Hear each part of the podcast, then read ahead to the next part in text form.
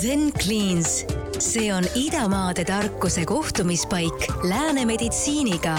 efektiivne ühepäevane organismi sügavpuhastav kuur, mille eest sinu keha sind tänab.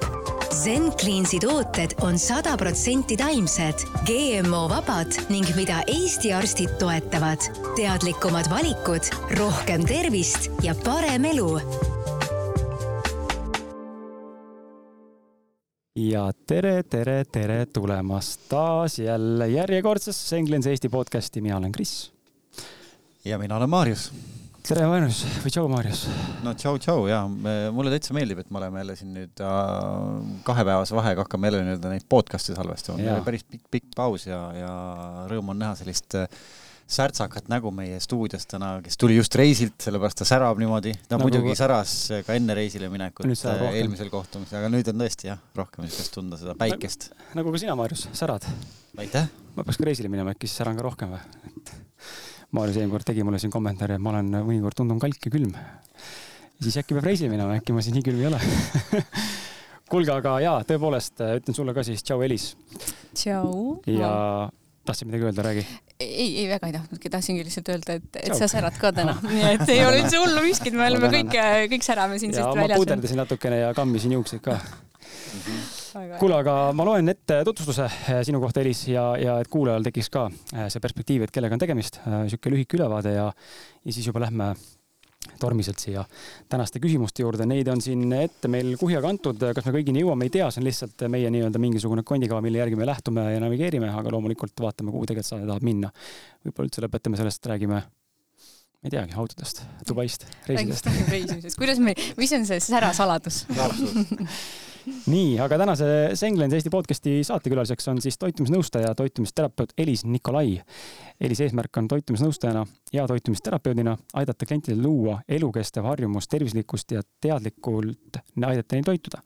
ta rõhutab, et tema jaoks ei tähenda teadlik toitumine pidevat dieeditamist, iga suutäie kontrollimist ja teatud toiduainetest täielikult loobumist. Tervislik toitumine hakkas teda huvitama üsna noores eas, kui ta võitles ärevushäiretega. tänaseks on ta lõpetanud Anneli Sootsi tervisekooli ning täiendab meid igal võimalusel ja tänases saates siis võtame ette selle teekonna loomulikult tervisemaailma, see on kindlasti meie saadete läbiv äh, temaatika. arutame ja kuulame Elise põhimõtteid ning äh, ja tema väärtuseid, mis kiirlevad, tiirlevad ja keerlevad siis ümber toitumise ja tervise ja lisaks püüame anda sulle mõnus ülevaate sellest, et äh, millised on erinevad need pidepunktid, millest sina saad täna kinni haarata siin saate juures, et enda tervist enda kätesse taas haarata ja võtta vastutus ja mitte süüdistada siis, et planeet Maa muld on pekkis või et äh, valitsus paneb meile toidusse GMO-d, vaid vaadata, kuidas sa saad ise teha paremaid valikuid, et see toidulaud oleks tervislikum ja, ja sinu enda valikud oleks ka paremad. Lähme selle meeleheite juurde, me oleme siin äh, eelnevates saates, Tiit tõi selle hästi välja ja me oleme siin Maarjusega seda ka mingil määral puudutanud ja eks me, igaüks meist kes täna siin stuudios meil on kolmekesti, ma arvan, meie kuulajad ka mõistavad, et äh, elus tulevad muutused tihtipeale just läbi valu. Äh, ma ei tea, miks see nii on, tahaks loota, et saaks ka teistmoodi, aga tundub, et äh, alati ei saa ja tihtipeale tundub, et noh, mingi, mingi põhjusel me enne ei saa aru, kui see laks on käes ja oled seal piltlikult öeldes perseli maas. Aga, aga võib-olla saab teistmoodi, aga ka sinul on olnud selline olukord tegelikult mingil määral ja ja lähme kohe selle tuuma juurde, et äh, meeleheite või ahastuse seisund, et äh, räägi, sina olid äh, maadluses ärevushäiretega. räägi, kui pikalt ja, ja miks ja, ja mis perioodi need tekkisid, millises vormis need sinu igapäevaellu siis ilmusid või milles nad väljendusid ja, ja kuidas sa tegelikult sellega siis tegelesid mm? -hmm jaa, et see on tõesti selline teema, millele ma olen hästi palju ise ka mõelnud, et miks me alati ootame, kui midagi läheb halvasti. Aga, aga no mõnikord ongi see hea, et siis on, on põhjust tõesti midagi muuta. Ja, ja mina hästi üritangi inimestele seletada, et tegelikult võiks ju kuidagi ennetada kõiki neid probleeme, aga ma olen ise hästi hea näide sellest, kuidas ma ei suutnud seda, seda teha aga, aga jaa, need ärevushäired, mingil, mingil määral ma olen nii tänulik sellele, et ma justkui hakkan neid vaikselt juba unustama. teisalt, kui ma sellele tagasi mõtlen, siis eh, seda on päris raske unustada, sest et need olid päris pikalt mul ja ma arvan, et ma olin umbes, praegu ma olen kolmkümmend üks juba, oh jummel. aga ma, sellel hetkel ma olin kakskümmend kaks või kakskümmend üks, kui mul esimest korda need algasid ja kestsid siis circa selline viis kuni kuus aastat, ma ise ka täpselt ei mäletagi aga, aga millest see kõik tuli, ma olen selle hästi palju mõelnud, et mis, mis ma siis valesti tegin või miks nad niimoodi minuni jõudsid, ma arvan, et see oli põhiküsimus, mida ma küsisin endalt pidevalt kogu aeg.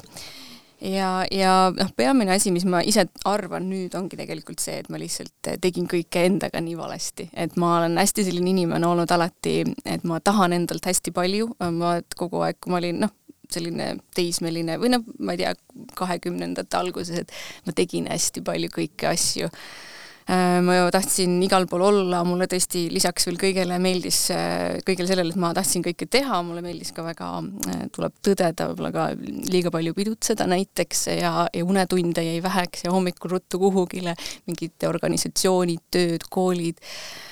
Ja, ja kindlasti ma ei hoolitsenud iseenda eest, ma ei, ma ei toitunud end-, noh, kindlasti ma ei toitunud tervislikult ega teadlikult, ma ei maganud piisavalt, ma jah, tegin, tegin justkui nagu kõike, kõike valesti ja ma usun, et ühel hetkel lihtsalt mul keha ütles, et kuule, et nüüd, et nüüd nagu aitab ja, ja see minul Äh, avaldus siis selliste ärev, äh, ärevushäiretena või siis paanikahoogudena. et ma ei tea, kuidas, ähm, noh, sellel hetkel ei olnud üldse inimesi, või no ütleme, mina üldse ei teadnud, mis asi need on, kui ma läksin esimest korda suure hirmuga EMO-sse, sest minu suurim hirm ärevushäirete puhul oli see pidevalt, et ma suren ära, sest need sümptomid olid üsna hirmutavad või ähm, ütleme, et see paanikahoo sümptomid on tegelikult üsna sarnased äh, südameinfarktile ja see on ka üks peamine põhjus, miks, kui inimesel tekib paanikahoog siis tema noh, üks selline suurim hirm koheselt on see, et ta eh, sureb nüüd ära ja siis, eh, ja siis see justkui jääb talle sisse. Ja iga kord, kui tal tekivad uuesti need sümptomid, siis tegelikult sul tekib jälle see tohutu hirm kuidagi eh, ära, ära surra. Ja siis justkui seesama hirm või see ketramine, et sa kogu aeg kardad, tekitab seda ärevust juurde, ehk siis see, millest see ärevushäire algas, võis olla üks asi, aga tegelikult see, miks ta nii kaua kestis, oligi see, et mul oli pidevalt kogu aeg see hirm sees ja, ja kuidagi meeles, meeles meeles, meeles oli see tunne, kui kui, kui hirmus äh, on see paanikahoog, hoos olemine. no ühesõnaga, kui ma esimest korda EMO-sse jõudsin, siis mulle öeldi, et et mul on stress või mingisugune ärevushäired, ma sellel hetkel ei teadnud mitte midagi sellest, et nüüd ma arvan, et peaaegu vist kõik inimesed teavad, mis asjad on ärevushäired. Ähm, sellest räägitakse tohutult palju ja, ja siis ma kuidagi noh, ma, eks ma hakkasingi vaikselt siis, äh, vaikselt tegelema sellega, et, et äh, noh, esimese asjana, esimene asjana, mida mina tegin, oligi see, et ma rääkisin sellest oma emale, mu ema pani psühhiaatri juurde aja ja, ja sain siis antidepressandid kohe peale. et noh, see oli selline esimene asi noh, ja siis äh, noh, eks ma, eks ma neid ka võtsin, noh, fakt on nagu see, et ilmselgelt need mind ei aidanud, sest et ähm, Äh, noh, nad ait-, noh, et äh, seda mult päris palju küsitakse ka, et kas siis ait-, aitasid need või mitte, aga tegelikult nad ainult võtsid võib-olla natukene neid sümptomid ära, aga see probleem oli tegelikult ju kuskil väga mujal. ja, ja, issand, ma mõtlengi, et mis ma nüüd, kuhu, kuhu ma oma jutuga olen jõudnud, et mis need äh, küsimused veel olid, aga, aga, aga jah, eks ma hakkasingi nagu vaikselt hästi palju nagu ise mõtlema, et, et see ei ole okei okay,, et mul on kogu aeg sõna otseses mõttes lihtsalt nii sitt olla et, et milles see probleem on, et ma olen noor inimene, ma olen, mul on kõik elus hästi, et miks ma kogu aeg tunnen ennast niivõrd halvasti ähm, ja, ja, ja miks mul on pidevalt selline tunne, et ma kohe hakkan ära surema, et noh, ilmselgelt see ei ole hea, hea tunne. ja, ja siis ma hakkasingi mõtlema, et mida ma siis enda jaoks ära teha saan ja ma arvan, et ma vist tegin kõike, mida teha annab. et olid need mingisugused noh, joogad, hingamisteraapiad, olid need erinevad terapeudid, psühhiaatrid, psühholoogid, mingid hingamispraktikad, toidulisandid, noh, ma arvan, et ma vist tegin tõesti kõike, mida ma kuskilt lugesin või keegi ütles, et tee seda ja ma seda ka proovisin aga, aga mingi hetk mul hakkas nagu tunduma, kuidagi hakkasin nagu rohkem uurima ka toitumise kohta, et, et toitumine oli minu elus selle ajani väga ebaoluline teema. Äh,, mitte et ma oleks kunagi olnud kuidagi noh, ma ütleme, ma ei mõelnud sellele, ma ei, absoluutselt ei pööranud sellele mitte mingit tähelepanu ja siis sellel hetkel kuidagi hakkasin mõtlema, et kas ma saaks kuidagi ka toitumisega iseennast aidata ja, ja see oligi äh, võib-olla see esimene samm äh, minu teekonnal saamaks siis toitumisnõustajaks ja toitumisterapeudiks, et ma hakkasin rohkem selle kohta uurima ja ühel hetkel ma mäletan, et ma mõtlesin, et aga tead, ega ma, mis ma siin ikka seda kõike niimoodi internetist uurin, et ma lähen parem seda õppima. ja, ja niimoodi ma suhteliselt eksprompt lihtsalt guugeldasin, et kus saab toitumisnõustajaks õppida, ma olen suhteliselt selline jah, et äh, kui ma midagi tahan, siis ma ruttu selle teen ära ja vaatasin, ahaa, Anneli Sootsi koolis õpetatakse seda väga tore tore, ma olin, kirjutasin sinna, et vist paari nädala pärast juba algas kursus, et et, et võtke, võtke mind sinna ruttu vastu. alguses ma läksin väga palju õppima iseenda jaoks ja tahtsin saada neid häid teadmisi ja, ja kuidagi nagu proovida iseennast siis aidata nende teadmiste baasil aga mingil hetkel ma hakkasin mõtlema, et tegelikult mul on päris palju, äh, mida jagada ja võib-olla just see minu teekond äh, ja kuidas tegelikult mind ikkagi selline tervislikum eluviis, mitte ainult toitumine, aga just see tervislikum eluviis ikkagi aitas ja ja siis mõtlesin, ah, mis seal ikka, et ma võiks ju seda tegelikult ka teistega jagada. ja, ja nii, ja niimoodi jah, ma tegelikult üldse siis toitumisnõustajaks sain, et tänu siis ärevushäiretele, nii et igas asjas on alati midagi head ja ma ei tea, kas see nüüd vastas sinu pikale küsimusele, aga, aga, aga selline oli, oli selline pisikene jutt. vastas, mul tekkisid siit äh saatega läksin, panin sind kohe, selles mõttes tanki läksin väga-väga mm -hmm. tulikuuma ja terava ja raske teema juurde võib-olla mingil määral, aga mul tekkis lisaküsimus juurde, et vaata, sa mainisid ka sama asja, et toitumise äh, osakaal või nagu teadlikkus või selle, selle toitumise panus selle ärevushäirega toimetulekuks tuli tegelikult viimase tööriistana juurde, enne kõik olid muud, siis olid joogad, mingid noh, mingid muud harjutused, eks ole, praktikad, siis olid esimesed üldse olid need äh, antibiootsid piltlikult öeldes, mingisugused ravimid, eks ole. et kuidas sa ise nagu täna näed seda seisukohta, et mis su enda mõtted on nüüd, kui sa oled toitumisterapeudina ja toitumisnõustajana te toimetanud, tegutsenud, eks ole, ja inimestega kokku puutunud ja näinud ka erinevaid, kujutan ette haiguslugusid, erinevaid äh, tervenemisi kindlasti läbi selle. et miks see on tihtipeale niimoodi, et see toit justkui jääb nagu kõige varju, sest et noh, mulle tundub, et tavainimene, see on küll tobe, tobe sildistada, aga ütleme üldmass, eks ole, kes võib-olla väga teadlik ei ole selle, nendest valikutest ja toidu mõjust meie tervisele või toidu mõjust meie mikrobiomile, siis me tegelikult näeme, et inimene ei tulegi selle peale, et aa, asi võiks olla toitumises. Et noh mm -hmm., ikkagi haaratakse, kuidas saab toit mõjutada minu tervist või mingit haig-, psühholoogilist seisundit, onju aga, aga noh, tänaseks on ju piisavalt tõestatud, et äh, mikrobiom on meie teine aju ja ta on ühenduses meie konkreetse mõtlemise, tunnete ja, ja emotsioonidega, onju. kuidas, miks, mis sa arvad, mis, mis on sinu tänane nagu nägemus sellest enda kogemuse juures, et miks see on nii, et see toit, mis tegelikult on äh, ka ju Hippokratese arvates ju toit on meditsiin ja mm -hmm. meditsiin on meie toit, onju piltlikult öeldes, et miks see tegelikult on hoopis vastupidi, äh, justkui nagu viimane mm -hmm. õlekõrs, mille poole haaratakse.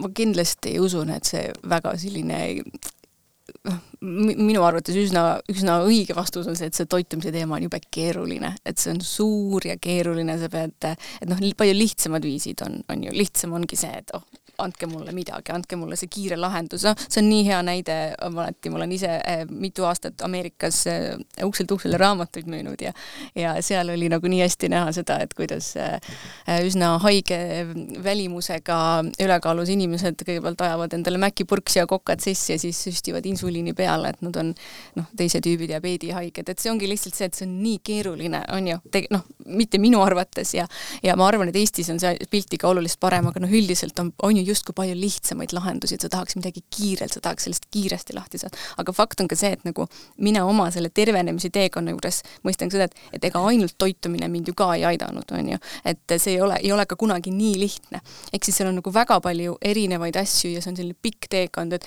et kui täna ka jõuavad minu juurde inimesed, ütlevad, et oh, aita siis mind, et ma olen, mul on pikalt olnud näiteks ärevushäired, et mida ma siis, mida ma siis peaksin tegema, et ma nii, ma olen nagu nii meeleheitel ja see on hästi selline täpselt see, mis see meeleheite teema, see on nii meeleheitlik olukord, sest vaata, kui sul on nagu mingi füüsiline haigus, on ju, kas või näiteks pahaloomuline kasvaja, siis üks variant on see, et sa lähed opilauale ja arst opereerib selle sust välja, on ju. aga kui sul on näiteks mingi vaimne probleem, siis mitte keegi ei saa seda sinu seest ju välja võtta. ehk siis sa pead nagu nii palju sellega justkui nagu ise tegelema. ja, ja kui seal oleks mingit ühte vastust, et jaa, näiteks noh, ainult see, see konkreetne asi aitab, siis tegelikult ei ole, seal on nii palju, ongi siis see, et sa toitud tervislikult, hoolitsed oma mikrobiomi eest, ikkagi tegeled ka mingite selliste noh, võib-olla rahustavate praktikatega, äh, liigud, äh, noh, seal on nii palju ja võib-olla sul on ka vaja ikkagi teraapiat, võib-olla sul on vaja psühhiaatri abi, psühholoogi abi, et seal on nii palju kõik, et seda kõike tegelikult peab tegema korraga ja see on väga keeruline. ehk siis esimene lahendus olekski see, et ah, okei okay,, palun, andke mulle need tabletid, ma võtan neid, äkki aitavad on ju, et äh, ja, ja noh, eks nad mingil määral ju aitavadki, aga see on ainult väga-väga lühiajaline. eks siis kõik äh, jah, ma arvan, et toitumine on, on selle tõttu juba viimane valik või, või et see on lihtsalt liiga aeganõudev, sest et nii.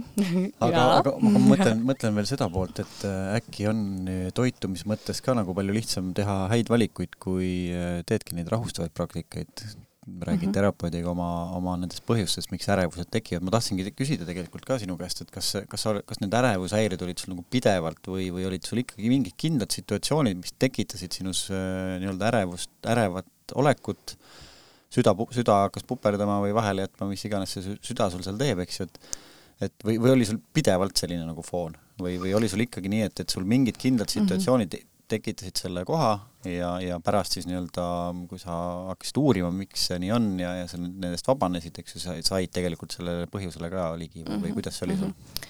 et jaa, see, see õnneks ei olnud mul kolmsada kuuskümmend viis päeva aastas, et aga, aga pigem see oli niimoodi, et see oli periooditi, et kui see näiteks ükskord algas a la esimesel oktoobril, siis ta kestis ja kestis võib-olla kuid, et see ei olnud nagu situatsioon mm., vaid see oli see, et kui noh, ma arvan, et inimesed, kellel on ärevushäired olnud ja ma olen hästi paljudega rääkinud nendel teemadel, et see ongi nagu see, et sul mingi asi seda ükskord nagu toob selle uuesti ülesse, mingi asi, mis justkui seda trigerdab. näiteks esimene kord, kui minul esimene paanikahoog algas või siis nii-öelda siis ärevushäire üldse algas, oli see, et kui ma olin olnud nädal aega äh, noortega Egiptuses ühel auhinnareisil, tuleb tõdeda, et seal oli väga palju äh, pidutsemist, seal oli väga vähe unetunde, äh, ma olin lihtsalt füüsiliselt väga väsinud, ma astusin lennukile, hakkasin äh, noh, mm, Egiptusest siis Tallinna poole sõitma ja kui lennuk hakkab maanduma, mul tekkis see esimene paanikahoog. tegelikult reaalselt, millest see tekkis, oli lihtsalt see, et ma olin lihtsalt üle magamata, lihtsalt nagu noh, tõesti tarbinud seal tõenäoliselt liiga palju rummikokat, on ju. ja see tõmbas mul selle nagu pulsi üles. ja see, ja tegelikult see algas sellest ja oligi natuke sellest, et ma teadsin, et mind on ees, Eestis ootamas üks probleem, millega ma pean tegelema mm -hmm. ja kõik sellised asjad. ja sellest ühest hetkest mm, hakkas see kõik peale Mhm. ehk siis äh, ja, ja selliseid hetki oli siis nende aastate jooksul veel, mingi asi justkui sind trigerdas ja siis ta jäi sulle justkui nagu meelde. ja kui kokkuvõttes, äh, mida ma olen täna hästi palju, tänaseks nagu hästi palju mõelnud, mis mind siis päriselt aitas, siis tegelikult aitas mind väga palju üks asi, äh, see ei olnud toitumine ainult ega, ega mingid praktikad või mis iganes, vaid see oli lihtsalt see, et ma õppisin mitte seda tunnet enam kartma, sest kui ma kogu aeg kartsin tegelikult minu e-, kõige suur, noh, inimestel on selle ärevusega või ärevushäirega, üks asi on ärevus, teine on selline häire ja mul oli pigem selline suurem häire, on alati mingi asi, mida nad kardavad, et kes kardab võib-olla teiste inimestega suhelda. äh, kes, äh, ma ei tea, ja noh, väga paljud kardavad lihtsalt ära surra. ja siis sa käid arstide juures või noh, on ju, lõpuks, et kas mul on see probleem, kas mul on soo, mul on kogu aeg nii halb olla. ja kui nii palju, kui sa kogu aeg kardad justkui nagu seda, seda, seda suremise tunnet või sa kardad kogu aeg, et noh, nüüd ma suren ära, no nüüd kindlasti ma panen, noh nüüd ma, ma olen seda hästi palju oma elus tundnud, et sa nagu tunned seda ja siis sa mõtled nüüd, no nüüd ma suren ära. ja siis vaata, kui sul seda nii palju on, siis sa mingi hetk mõtled, et nagu näha, ei ole veel surnud. Ja siis sa mõtledki ja siis ongi tegelikult see, et, et ju noh, et ju see siis ongi mingi asi, mida ma tegelikult nagu iseendale ette kujutan. Ja tegelikult ma lihtsalt lasin sellest lahti.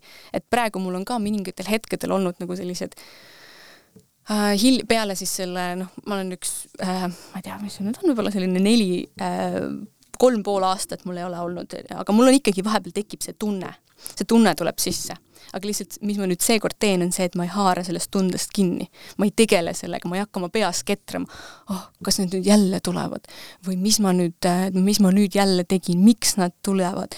Äh,, issand, kas mul on ikkagi midagi viga, noh, ja, ja ma ei ketra seda enam, ma lihtsalt panen selle, need mõtted kõrvale ja, ja tegelen oma elu, eluasjadega, noh, nii-öelda igapäevaeluga edasi. ja see ongi tegelikult see ärevuse häire, vähemalt äh, ma olen ise seda äh, tundnud, ehk siis üks asi on see, et sa pead oma peas selle, sellest nagu asjast sellest hirmust või sellest mõttest nagu lahti laskma, et see, millest ta ükskord algas, see võis olla väga noh, mingi, mingi asi, aga see, kuidas see lõpuks kestab või lõpeb, et see on võib-olla hoopis midagi, midagi teistsugust, et see on nagu minu selline teooria ärevushäirest lahtisaamise kohta, et niikaua, kui sa seda ärevust kardad, nii kaua ta sul ka on. ja siis, siit tuleb ilmselt ka vastus sellele, et miks, miks on toitumist ilmselt nii raske muuta või see tuleb viimasena, sest kui sa oled sellises ärevusfoonis mm -hmm. noh, siis aju ilmselt mõtleb viimasena selle peale, et hakkaks nüüd oma mingit harjumust, mis on harjunud mm -hmm. sööma siis burger või noh, mida, mida mm -hmm. iganes, eks ju, seal USA-s söödi või Eestis süüakse, et noh, kui sa oled ärevusfoonil siis äh, harjumusse muutust teha on mm. ikka väga raske, noh, ilmselt ka toitumise koha pealt, et ta annab sulle ikkagi energiat, tõenäoliselt annab ta sulle mõnutunnet mm, -hmm. ta võtab seda, pigem seda ärevusfooni ka mõnes mõttes maha, sa saad mm -hmm. seal süüa mingit, äh, noh, mida tavaliselt siis süüakse, eks ju, mingid krõpsud, hapukoored, ma ei tea, mis sinna -hmm. kõik lähevad, on ju, komm, on ju, ja siis see tekitab ka niisugust nagu mõnutunnet ja, ja noh kuidas sa siis nüüd eh, selles ärevushoos hakkad mõtlema, et aa, ma praegu seda kommi ei võta, onju, et ma võtan mm. parem siis mingit mm, tervislikku mm, asja.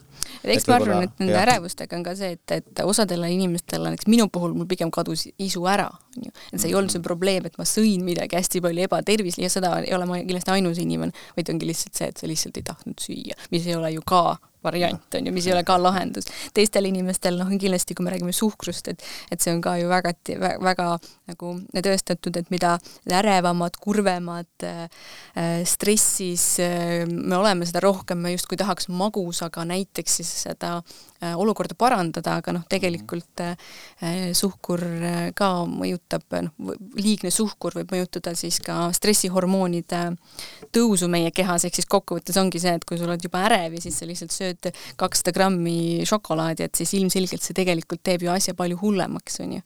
aga lihtsalt see on midagi, mida me ei oska endale teadvustada, sest sellel hetkel me lihtsalt tahaks midagi, mis võtaks selle ära. mina isiklikult tundsin ärevuse koha pealt, et alkohol ja suhkur olid midagi, mis nii otseselt neid sümptomeid trigerdasid, et see oli lihtsalt mm, hullumeelne.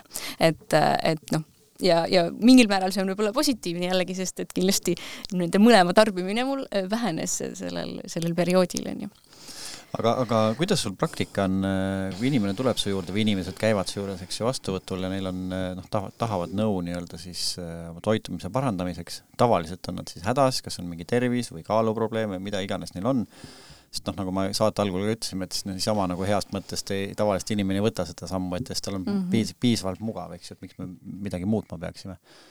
aga kuidas sa nagu näed, palju on siis nii-öelda sellist emotsionaalset poolt äh, nii-öelda selle kehvema toitumisega seotud ja kuidas sina näiteks lah-, lähened üldse sellele või, või noh, sa oled ju ise kogenud seda ja, ja kuidas sa nagu inimesele üldse nõu hakkad andma, et mm -hmm. ja, ja paljud on siis tegelikult selle koha pealt, et, et sa näed, et see tuleb neil, see halb, halvad valikud tulevad ärevusest või, või just sellisest nii-öelda vaimsest äh, kehvast seisust ja ma, ma näen seda päris, päris palju, et tõesti ähm, ma olen, üks asi ongi see, et mul on sellised üks-ühele kohtumised, aga mul on ka selliseid grupi äh, nõustamisi, kus on väga palju inimesi koos ikkagi.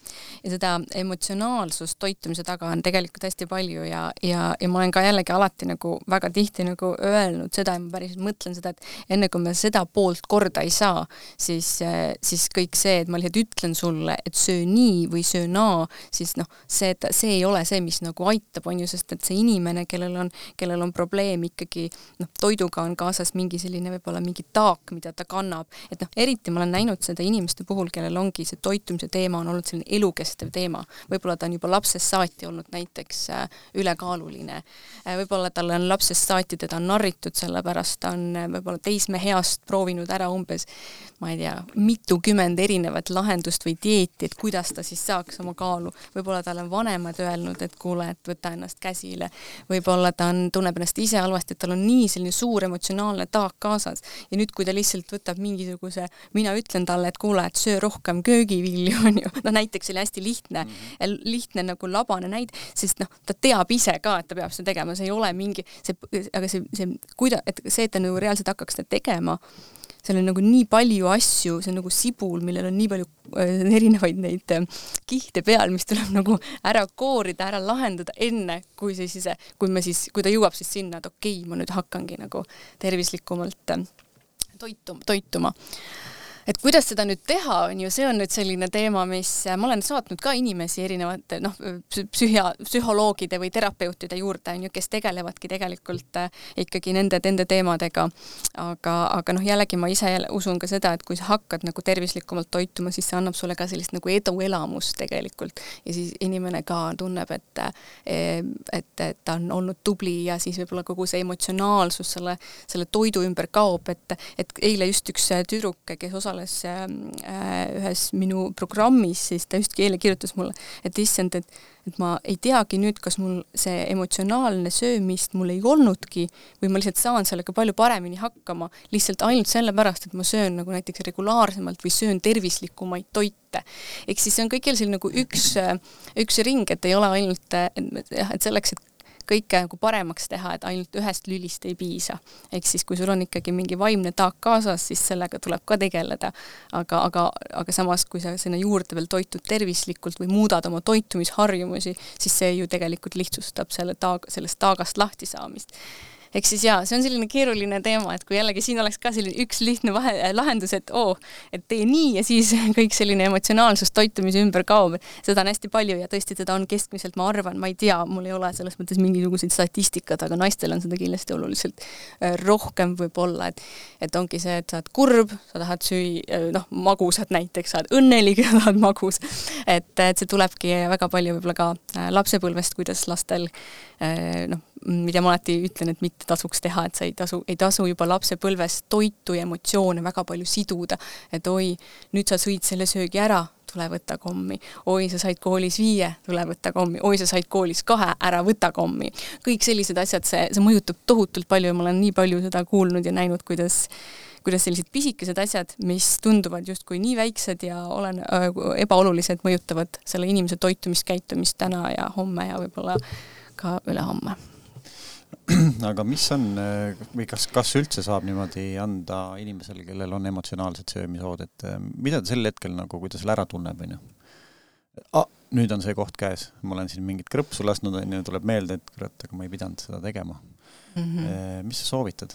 Mis need niisugused äh, üks, üks, kaks nii-öelda numbri, numbri valimised nii-öelda kodustes nipid. vahendites on või nipid jah, et, et mis, mis ta tegema peaks? helista mulle ei, eks äh, tead, seal on, mis ma olen, väga sellised praktilised nipid, kus me peame ennast üle kavaldama, üks on siis see, et sa lihtsalt ei osta neid toite endale koju mida sa tunned, et sa ei suuda nendega piiri pidada. et noh, see on loomulikum, kui sul, kui sul need kartulikrõpsud on mingisugune teema või, või Kris, sul olid vist need joogid, on ju magusad joogid. et noh, kui sul on külmkapis näiteks neid jooke või näiteks minu puhul on näiteks šokolaad on ju, see on mu suurim nõrkus, et kui mul oleks kogu aeg kopis ko, noh, lademetes šokolaad, siis küll ma kogu aeg võib-olla läheks, isegi kui mul ei ole seda emotsionaalset söömist, aga eriti kui sul veel on see, et sa justkui sa pead selle paki tühjaks sööma, sa tead, et see on sinu probleem, siis nüüd noh, üks variant ongi see, et sa lihtsalt ei osta seda endale koju, et, et nüüd ongi see, et kui sul tekib see soov nii-öelda ennast kuidagi toiduga rahuldada, et siis ongi variant see, et sul kodus seda ei ole, et kas ma nüüd lähen poodi või, või ma tellin midagi,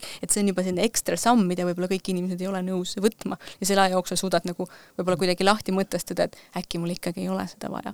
teine asi on see, et, et kui sul ongi siis näiteks tahadki midagi, on see siis võib-olla see mai-, magu, maiustus on, siis üks variant on see, et sa lähed poodi, ostad endale suure kahesaja grammise šokolaadi ja sa tead, et sa nagunii lähed koju ja sööd selle kõik ära. teine variant on see, et sa võtad sealt poest kõige väiksema šokolaadi, mis sa leiad, ostad selle ära, kõnnid poest minema, sööd selle ära, lähed koju, kõik asjad on lahendatud, sa ei tee nii, et ma lähen autosse, söön šokolaadi ära, oi kui hea oli, ma lähen nüüd poodi tagasi, ostan veel ühe. et see ei ole midagi, mida enamik inimesed teevad, ehk siis selline iseenda kavaldamine on hästi oluline. pluss on muidugi see, et jällegi, kui me hakkame nagu tervislikumalt sööma, no selles mõttes tervislik toitumine, see on selline lai mõiste, aga siin mina võib-olla mõtlen rohkem sellist toitu, mis on vähem töödeldud, kus me saame rohkem toitaineid. Eh, kui me sööme regulaarsemalt, et meil ei teki seda, emotsionaalne söömine on väga lihtne tekkima, kui sa sõid hommikul kell üheksa, siis sa päev otsa ei söönud, jõuad kell kuus koju, sul on olnud raske päev, noh ma arvan, et me kõik oleme istunud toidulaua, noh, nii-öelda toidulaua taha, meil on kõht tühi, siis me lihtsalt sööks ära kõik asjad, mis meile ette pannakse. et kui me natukene nagu ennast äh, õpime selles osas tundma ja ennast üle kavaldama, siis tegelikult see on lihtne. ja jällegi, mis ma eile sellele tüdrukule vastasin ka, kes mulle kirjutas, ma ütlesin ka, et emotsionaalne söömine ei ole midagi, mis käib meiega kaasas, et see on nagu et ma olengi emotsionaalne sööja. see on see ohvrimentaliteet, oh, ma olengi, mu ema oli selline, onju. mind, oi, mul muidugi mind narriti koolis sel, nendel teemadel, vaid see on midagi, mida me saame alati ise muuta, me saame kõiki asju enda eh, elus muuta aga, aga lihtsalt see on jällegi, nagu ma enne ütlesin ka, selline pikk teekond, see ei ole lihtne lahendus. siin ei ole nagu nipsust, et oh, nüüd mul kaob emotsionaalne söömine ära või emotsionaalne isu, et jaa, kõik võtab aega, aga nüüd ongi see, et kas me siis võt-, natukene investeerime aega sellesse, et kõigest sellest nagu teadlikumaks saada ja, ja sellest võiks olla väga palju kasu või siis me ei tee seda ja, ja lõpuks jääme selle ratta peale võib-olla terveks eluks mm. -hmm. aga näiteks kommi tasemel äh, puuvilju, see on hea mõte või ei ole, see on hästi halb mõte mina ei soovita toitumisnõustajana puuvilju, ei. nali, muidugi soovitan. aga no vot, see ongi lihtsalt mõni inimene võib-olla ütleb selle peale, et mis sa teed nalja või onju. ei, ma ei tee nalja praegu. jaa, aga noh, aga et umbes, mis ma hakkan nüüd oma, oma, oma, ma ei tea, Fatseri šokolaadi siin äh, apelsinidega asendama, onju.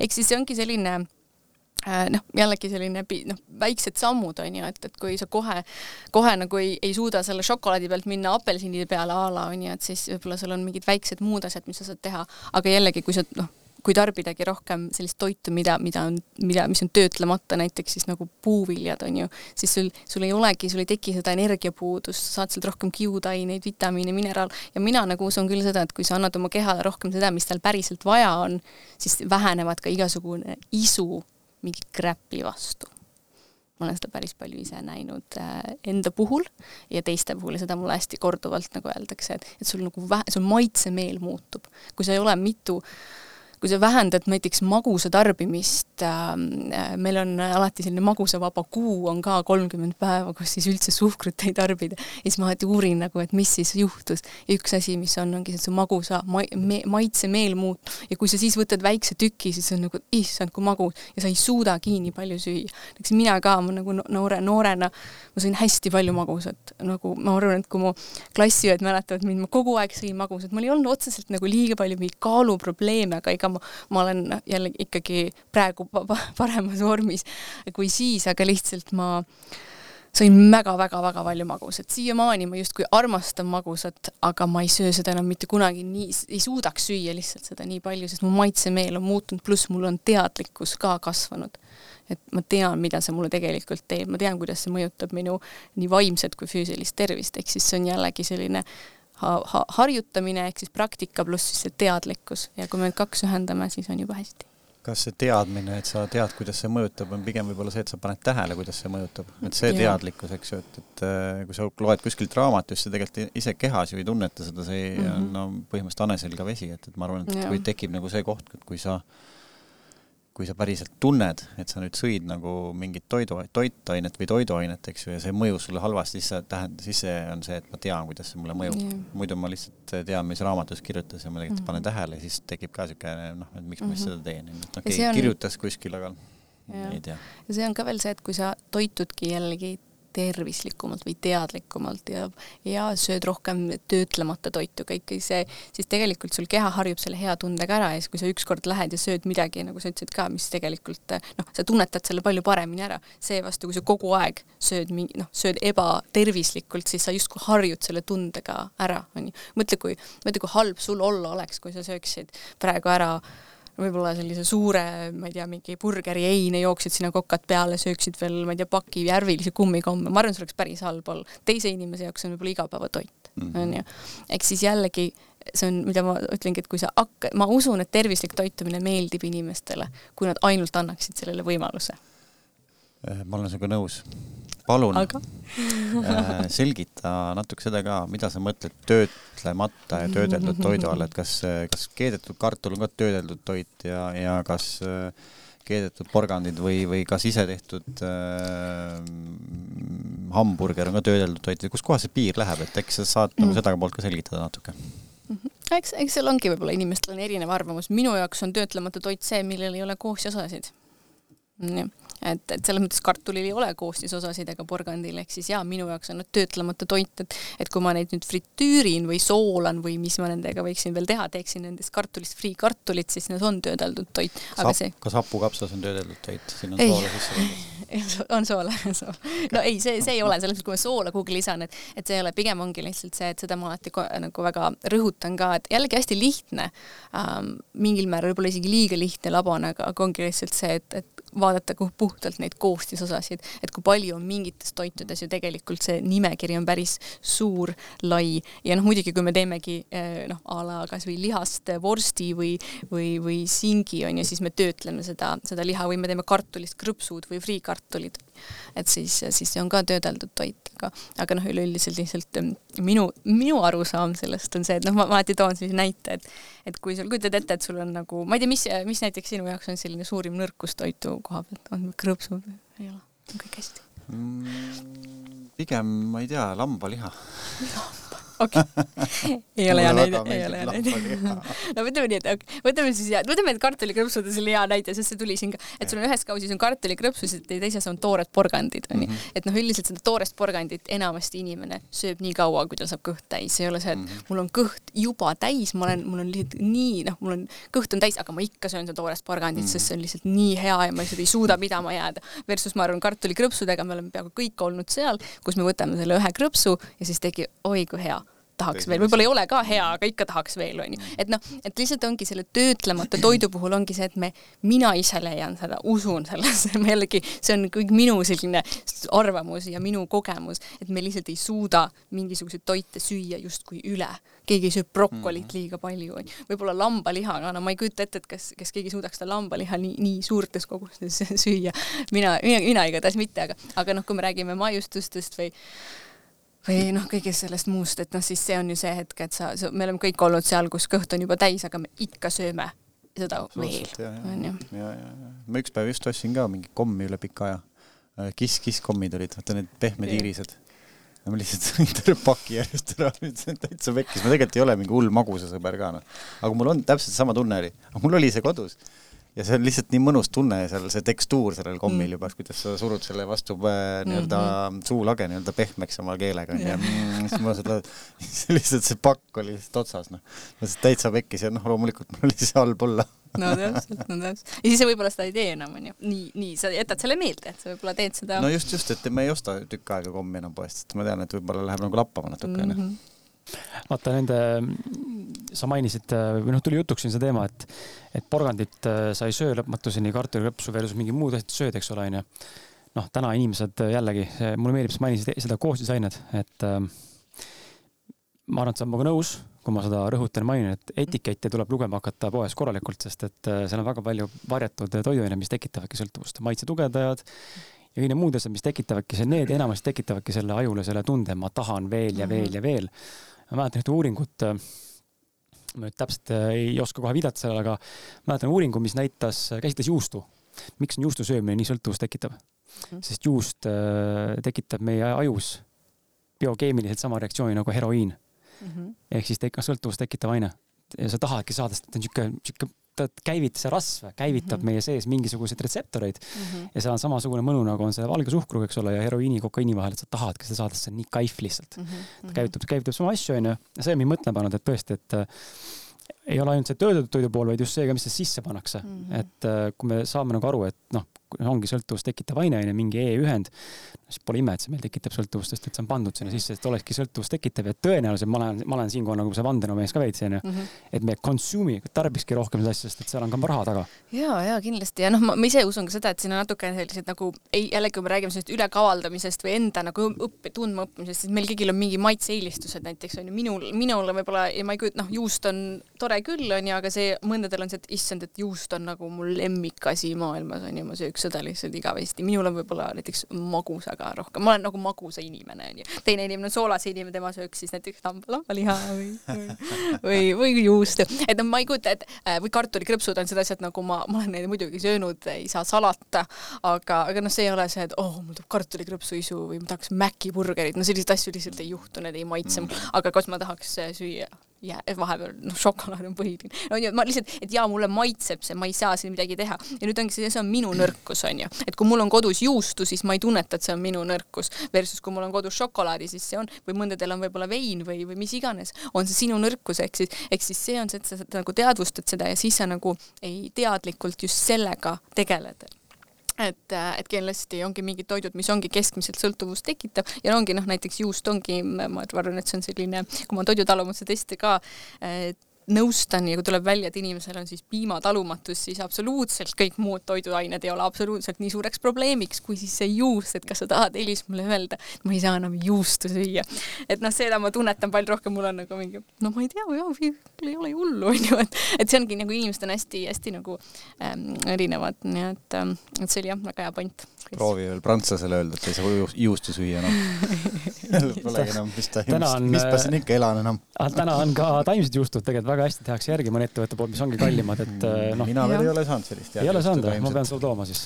jah, jah, nende taimsete alternatiividega, et mul on nendega ikka väga hästi kursis, et, et kõik muud on väga head. ma olen, ma arvan ka, noh, mitte kõiki, ma ei saa öelda, et ma kõiki olen proovinud, aga, aga noh, jogurtid, piimad, noh, või nüüd siis joogid või kuidas seda nimetatakse, et need on ikka noh, pole, ma, ma ei, ma ei kujutaks ette, miks inimesel ei oleks, oleks probleemi juua, et kohvi kaerapiimaga mm. või noh, ma, see tundub mulle väga lihtne.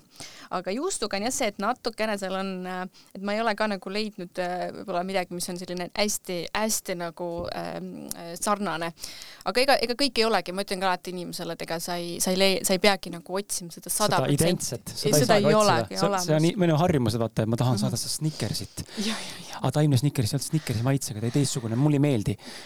harju ümber, ta on tervislikum, kohane sellega, et see maitse ongi teistmoodi, me ei saa nagu identselt koopiat mm -hmm. luua, sest et koostisaineid ongi teised onju, toit käitub teistmoodi mm. -hmm. et see on ka, mis ma palju kuulen ka, et aga see ei maitse sarnaselt ju mm. -hmm. ta ei, it's not supposed to be. ja üldse selle maitse teema oh,, sorry, nagu ma korra, et selle maitse teemaga on tõesti ka see, et eh, noh, jällegi mõnikord noh, hästi nõutu olukord tekib mul siis, kui tulebki inimene või ma puutun kokku inimesega, kes loeb mulle ette kõik tervislikud toidud, mis talle ei maitse, onju. et mulle maitsevad kümme toitu ja need kõik on need, mis võib-olla ei ole need kõige tead-, tervislikumad onju. ja siis, mis ma siis, mis ma siis teen? onju, mida ma siis, mis mina siis tegema pean, et eh, kuidas ma siis saan sind aidata, kui sa ei söö kõiki neid asju, mida sa tegelikult võiksid süüa, sulle ei maitse need. ehk siis ma olen, näiteks mulle on öeldud, et talle, et inim-, mulle ei maitse vesi, ma ei saa, ma ei taha vett juua. no mul on selline, et mis ma, mis ma siis teen, et siis ma, siis ongi tegelikult see, et me peame nagu võtma enda noh, tegelema sellega, et äh, ma usun, kõik, mis, kes meid, seda podcast'i kuulavad, et see võib-olla ei ole nii nende teema, aga, aga noh, lihtsalt äh, me peame ikkagi õppima äh, oma maitsemeelt muutma, see on kõik võimalik, võimalik, võib-olla meil lapseeas ka ei meeldinud mingisugused äh, tervislikud toidud võib-olla onju, aga nüüd me tegelikult äh, nad meile meeldivad. Ja seda ma olen ka korduvalt näinud äh, inimeste pealt, et et kui sa harjutad, näiteks avokaado on üks selline asi, mis väga paljud inimesed ütlevad, et neile ei maitse avokaado, ma pole kunagi proovinudki avokaadot. et noh, jällegi ma arvan, et teie kõik olete võib-olla kindlasti, võib-olla kindlasti, et siis ma ütlengi, et oh, proovi veel, on ju, et pane, pane sidrunit sinna pigiste peale, pane natukene mingit ürdisoola, siis ta on, on ju väga maitsev, et anna sellele toidule veel võimalust, täpselt nagu lastega ka, et öeldakse, et lapsele, kui sa tahad tutvustada uut toiduainet, sa võid, pead talle võib-olla andma seda kuni, ma ei mäleta, mis see number oli, ma tõesti niimoodi, aga äkki mingi viisteist, kakskümmend korda sa pakud lapsele. Ja alles siis see laps otsustab, kas ta siis tahab seda või ei taha, et ta võib sulle kümme korda öelda, et ei, ei, ei tõmmata pea ära, aga noh, kui sa kohe alla annad, siis võib-olla ei ole ju ka hea, ehk siis mingil määral me võime ju natuke käituda iseendaga ka nagu lapsega, et anna sellele veel nagu võimalus sellele tervist toidule, aga noh, jällegi ega see, kui sa brokolit ei armasta, et see ei tähenda ju, et see mingi probleem on, sa võid süüa midagi muud selle asemel. aga kui sa ütled, sulle köögiviljad ei meeldi, noh siis on nagu keeruline, onju. vaata, mul tuli siin hea, hea point, mis ma iseenda kogemused nagu näen enda pere pealt ka, et see natuke läheb sellesse suunda, mis me enne rääkisime ka, et kui sa sööd, noh, kui ma olen harjunud sööma, mina täna liigun sinna õli ja soolavaba, väga suunas tugevad suhkruvaba toidud onju. ja kui ma kokkan ja ma näen, et näiteks äh, kodus süües on tervislikum toit, nüüd lähen korra söön, ma ei tea, väljas mingit taimset burgerit, mis on töödeldud, eks ole, ta on väga üle võlli maitsestatud, ta on rasvane, eks ole mm, -hmm. loomulikult. et ma ise veganina ütlen ka tingimuse, et taimetoit ei ole alati tervislik, sa pead ikkagi aru saama, mida sa sööd. noh, et see ei ole nii, et ma topin kõike suhu endale aga, aga mis ma nagu näen, ongi see, et see, see toidukooma tekib sealt, sest et see ongi, õlikogus on suur, rasvakogus on suur, on ju, see sool on üle võlli, mida pole harjunud sööma. mis ma nagu näinud olen selle toiduga, on see, et maitsemeelte muutumine võtab aega, aga nad muutuvad. Ja, ja ma tegelikult ise tungivalt nagu soovitan inimestele katsetada, nagu ütlesid ka, et avokaado ei maitse, okei. okay siis sa ütlesid, et maitsesta mingi asjaga ära, aga siis ta on selle maitse on ju maitsega, siis ta ei ole enam avokaado ja sa ei õpigi enne kohanema sellega, kui sa toid, toitud mm, -hmm. siis söödki punast paprikat või punast kapsast, eks ole, lillakapsast või porgandit ennast. et äh, ei pea ennast sundima, aga ma arvan, mingi hetk võib tekkida ka see, et noh, et ongi, ta õpib siis avokaadot sööma näiteks sidruni ja tomati ja soolaga mm. -hmm. no muidu mitte, onju. ja muidu mitte, onju. aga avokaado maitseb mulle, aga vaata, paljalt ei suuda, sest et, sest et sa endiselt ei ole suutnud veel mm -hmm. adapt ida selle toidu enda maitsele, sest toidul endal on alati maitse olemas kõigile mm -hmm. asjadele. ja ma olen märganud kogemuse juures niimoodi kokates, et, et isegi kui soolaõli ei pane, siis toidud ei ole soolaõli nagu puudulikud. seal on mhm. erinevad maitsenüansid suus aga see võtab mm -hmm. aega, et, et meie need maitsemeeled sellega kohaneks, sest igal toidul on oma maitse ja kui sa kokku paned kuskile, teed sa karrita midagi ilma nendeta, siis sealt tekib see sool noh, ja alati mm -hmm. on mhm. alternatiive, on ju, tamaarit ja mingeid muid mm -hmm. asju panna, on ju, misot näiteks, mis on väga tervislik mm, -hmm. mhm. fermenteeritud toit. et selles mõttes inimesed äh, julgelt peaks hakkama katsetama, see tegelikult ei ole nii keeruline, ta tund-, ta on alguses raske, sest et see ongi harjumuse vastane, ta on täiesti väljaspool minu harjumusnorme. aga see on okei okay. ja, aga noh, seda ei saa sundida, see peab tulema igal hetkel omal ajal, onju, ja üleminekud on ka okeid, aga aru saada, et me adapteerume nagunii mingi hetk, kui me anname aega, me oleme sellest sinuga rääkimata, ma arvan, et mikrobiomiga samamoodi, onju. tuleb aega lihtsalt anda ja see adaptatsioon nii-öelda varem või hiljem juhtub ja, ja ma tahtsin seda ka öelda, magusa puhul enne hea soovitus, mis saab katsetada, rääkisime siin sellest, et suhkurt ei pane sisse, eks ole. ja siis, et püüa ennast nagu ära osta koju ja sööge tatlit. värske mm -hmm. tatlina on whole food täistoit, seal on kõik olemas, mis noh, loodus sisaldab, mis tegelikult ei, tattel oma olemuselt ei käivita meis selliseid protsesse nagu käivitab suhkur või magu, muud magusasendajad nii-öelda, kas vahtrisiirup või mesi, onju või mis iganes muu veel. et äh, proovige, vaadake, palju suudate ära süüa värskeid tatleid järjest, ma mhm. garanteerin, et te üle kolme väga ei taha. et ma oma lapse pealt olen näinud, kuidas anda mingit poebatooni, milles on mingi magusaine sees, näiteks agaavisiirup või mingi muu asi suhkru asemel. see kuk-, kugistame neid. täiega hakkab ahmima, noh, tekib see sõltuvusefekt sisse kohe nagu batoon mhm. otsas ja kohe järgmine. aga tatleid küsib kodus kaks tükki mandlivõiga mhm. näiteks mm -hmm. ja ta on niimoodi, et ma ei taha rohkem mm, -mm, ma ei soovi. proovige, see on hea, hea koht, kus nagu magus tattel on korralik toit. noh, ta on toitaine selles mõttes.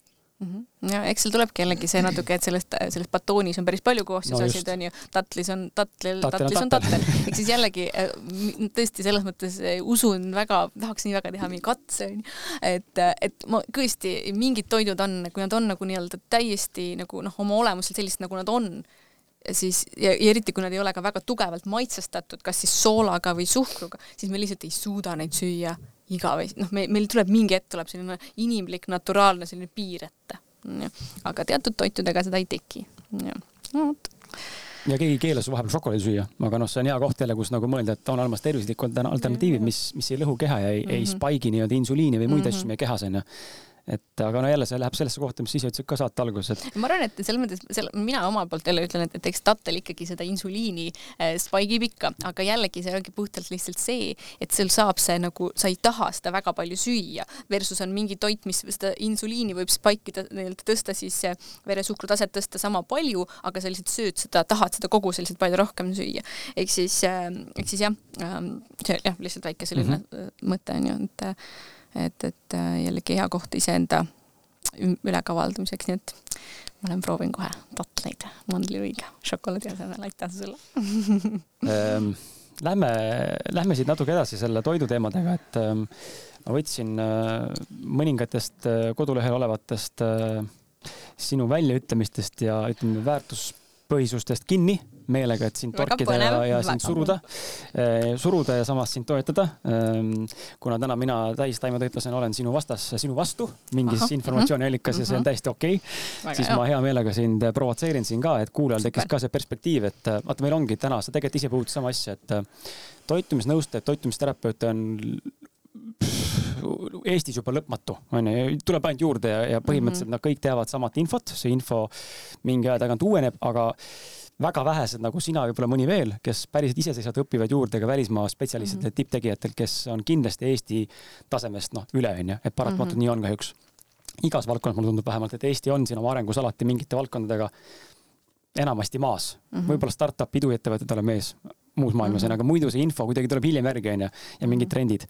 et äh, väga raske on inimesel navigeerida, kui, kui on vastuolulist informatsiooni ja ma saan aru, kus tekib inimestel nagu küsimus, et aga kuidas ma siis lõpuks usaldan, onju, et Elis räägib seda juttu, mingi Kris Maarjus räägib toda juttu, mingi vegan toitumisnõustaja räägib toda juttu, see arst ütleb nii, too arst ütleb nii.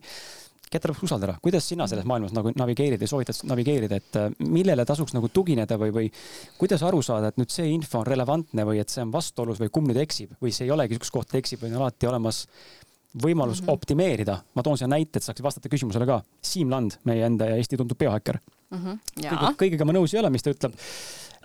et ta sööb, sööb, eks ole, väga suures koguses liha, getodieet enamasti, eks ole, aga samal ajal vaadates tema uuringuid ja tulemusi, mis ta on näidanud nende analüüside poolest, ta keha on selles mõttes paigalane, IGF hormoonid mm -hmm. ei mhm. käivitu liha süües, kõik on nagu balansis, kasvajaid hormoon, kasvajaid ja igasuguseid haigusi ei teki.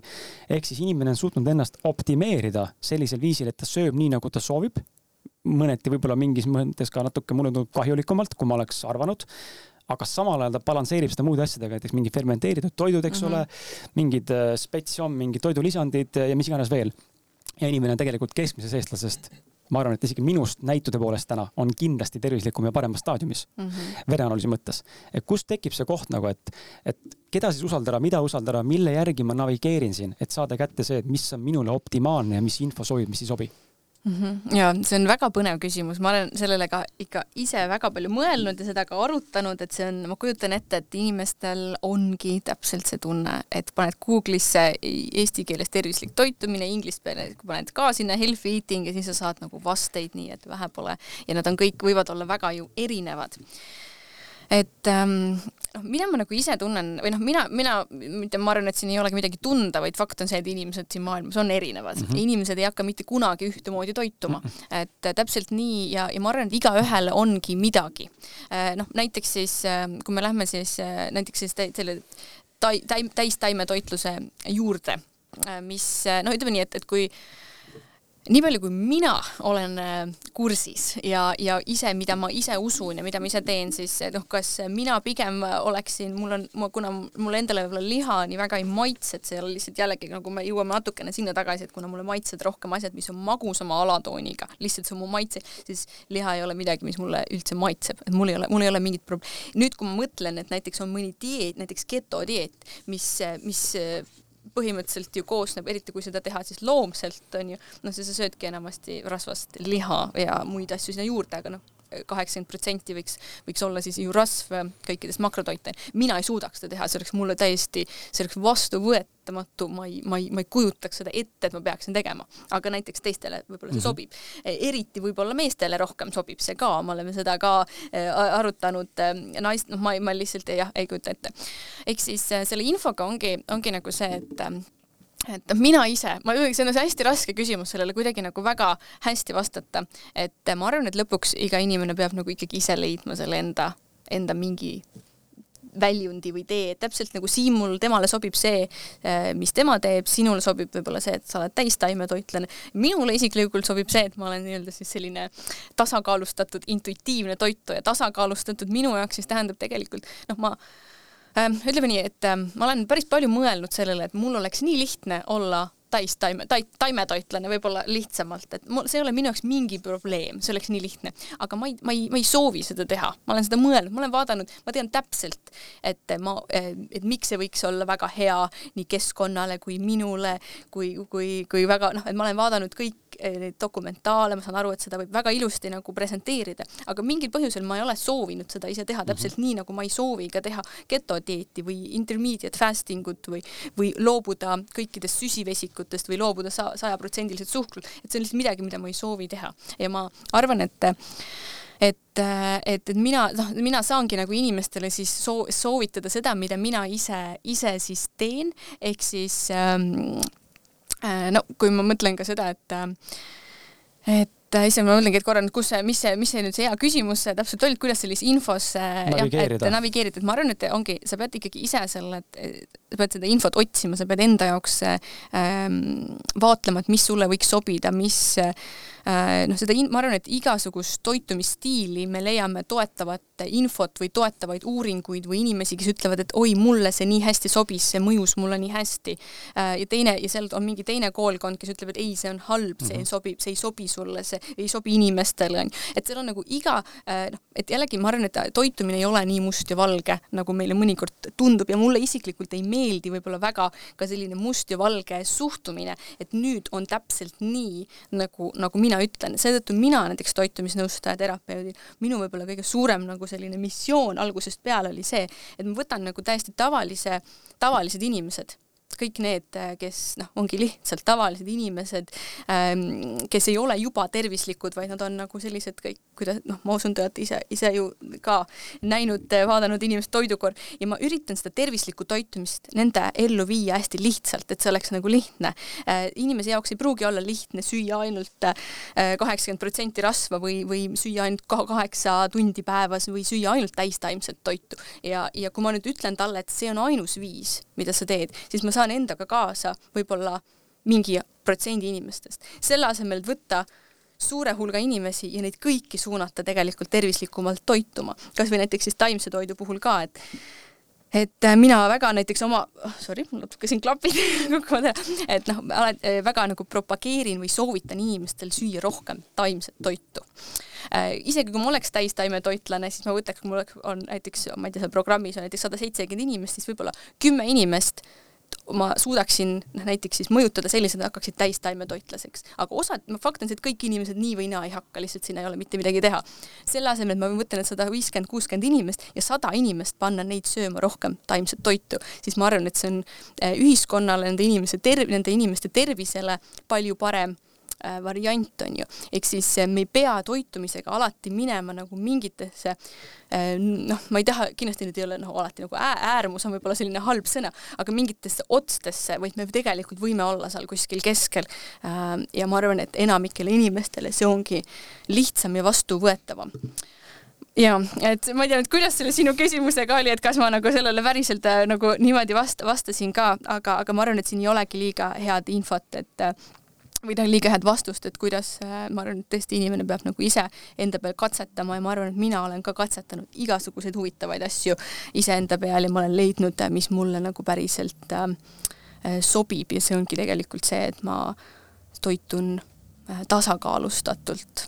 Et ma toitun enam, suuremas osas annan oma kehale seda, mida tal on rohkem vaja äh,, ongi toitlemata toitu, puuvilju, köögivilju, marju, kaunvilju ähm, ja, ja, ja pähkleid, seemneid on ju, ehk siis ma arvan, et et äh, kusjuures, ma nüüd korra lähen ühe, mul on üks, äh, üks eestikeelne artikkel, sest noh, enamik sellised teadusartiklid on ikkagi ingliskeelsed ja võib-olla jällegi tavalisel inimesel võib-olla nad ei jõua sinna, et nad hakkavad neid lugema, aga seda ma alati kõikidele soovitan ja annan lugeda, on siis äh, Mida süüa, et elada tervelt ja kaua elu, tervelt ja kaua. see on Eesti arsti oma arsti siis ajakirjast Taavi Tillmann selle kirjutas. ma soovitan seda lugeda, see on ülihea selline eestikeelne artikkel, mis räägib ka sellest, et tegelikult ongi liiga väike osa või liiga vähene taimse toidu osakaal toidus on Eestis tegelikult üks suurim haiguskoormuse põhjustaja, suurem kui suitsetamine või alkoholi tarbimine või, või, või muud sellised, on ju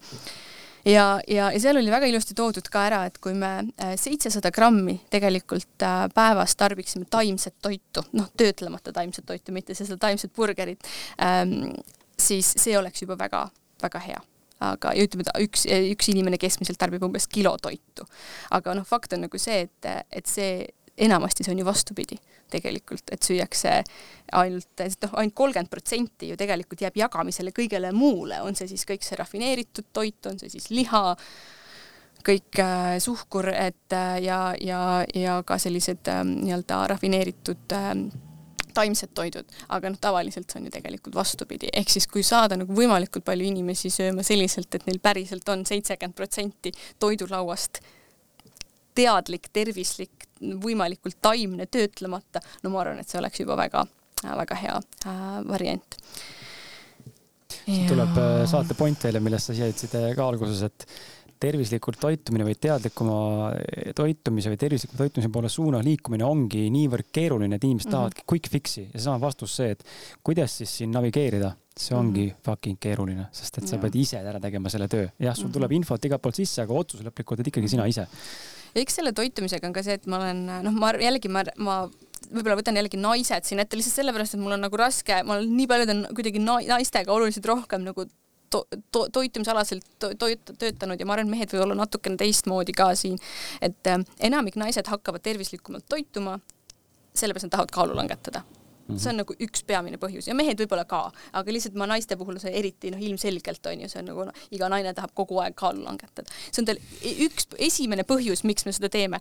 ja siis muidugi, kui sinu ainus asi, millele sa peas mõtled, on see, et kui ma tahaks kaalu langetada, ma tahaks kaalu langetada, siis muidugi sa ju ei vali alati kõige tervislikumat varianti, vaid sa valid võib-olla ka väga äh, võib-olla kõige kiirema variandi, mis ongi siis näiteks mingi low carb äh, dieet või, või keto dieet, noh keto, noh ma arvan, see üldse saaks väga kiiresti noh, kui me üldse süsivesikuid ei tarbi, tarbiks, siis, siis on see üsna loogiline, et meie äh, koheselt meie nii-öelda rasva, rasvaprotsent väga kiiresti äh, langeb. aga jällegi nii, kui sa hakkad tavapäraselt tagasi sööma, noh, tavapäraselt uuesti sööma äh, ja sa ei ole nii tugev inimene, nagu on Siim äh,, mida enamik inimesed ei ole, siis, siis see tuleb sulle jällegi kõik mm -hmm. nagu tagasi, onju. ehk siis, mis ma alati ütlen, on see, et, et, et kaalu kaalu on võimalik langetada väga ebatervislikult. Ehk siis, äh, ehk siis kui pealt vaadates keegi tundub justkui väga heas vormis või väga kuidagi ähm, tahaksid olla justkui tema poodi äh, füüsiliselt, et siis me ei kunagi ei tea, kuidas ta selle saavutas. või mis ta sees tegelikult toimub. täpselt, ehk siis mina hästi nagu väga äh, tahan alati rõhutada seda, et, et me sööme, peaksime sööma tervislikult ka oma noh, nii-öelda jah, tõesti oma, oma siis äh, mitte ainult välimuse, vaid täpselt, vaid ka nagu see, sellepärast, mis meie sees toimub mm. -hmm. et, ähm, et juba selle, selle tõttu ja, see, ja siis sellisel juhul meie keha läheb sinna kaasa, aga jällegi see ei ole nii lihtne, see ei ole nii kiire, onju. tahtsid, Maarja, midagi öelda enne? Tahtsin küll midagi mõtlen, mis see oli. et, et ma tahtsin tuua ikkagi siia seda ka mikrobiomi sisse, et, et see mm, -hmm. see, ma arvan, et sealt see individuaalsus tulebki. et, et siin ei ole nii, et, et sööge, ma ei tea, seitsekümmend protsenti töötlemata toitu ja, ja, ja või juurvilju, puuvilju ja et siis on nagu kõik korras. hästi huvitavat raamatut loen.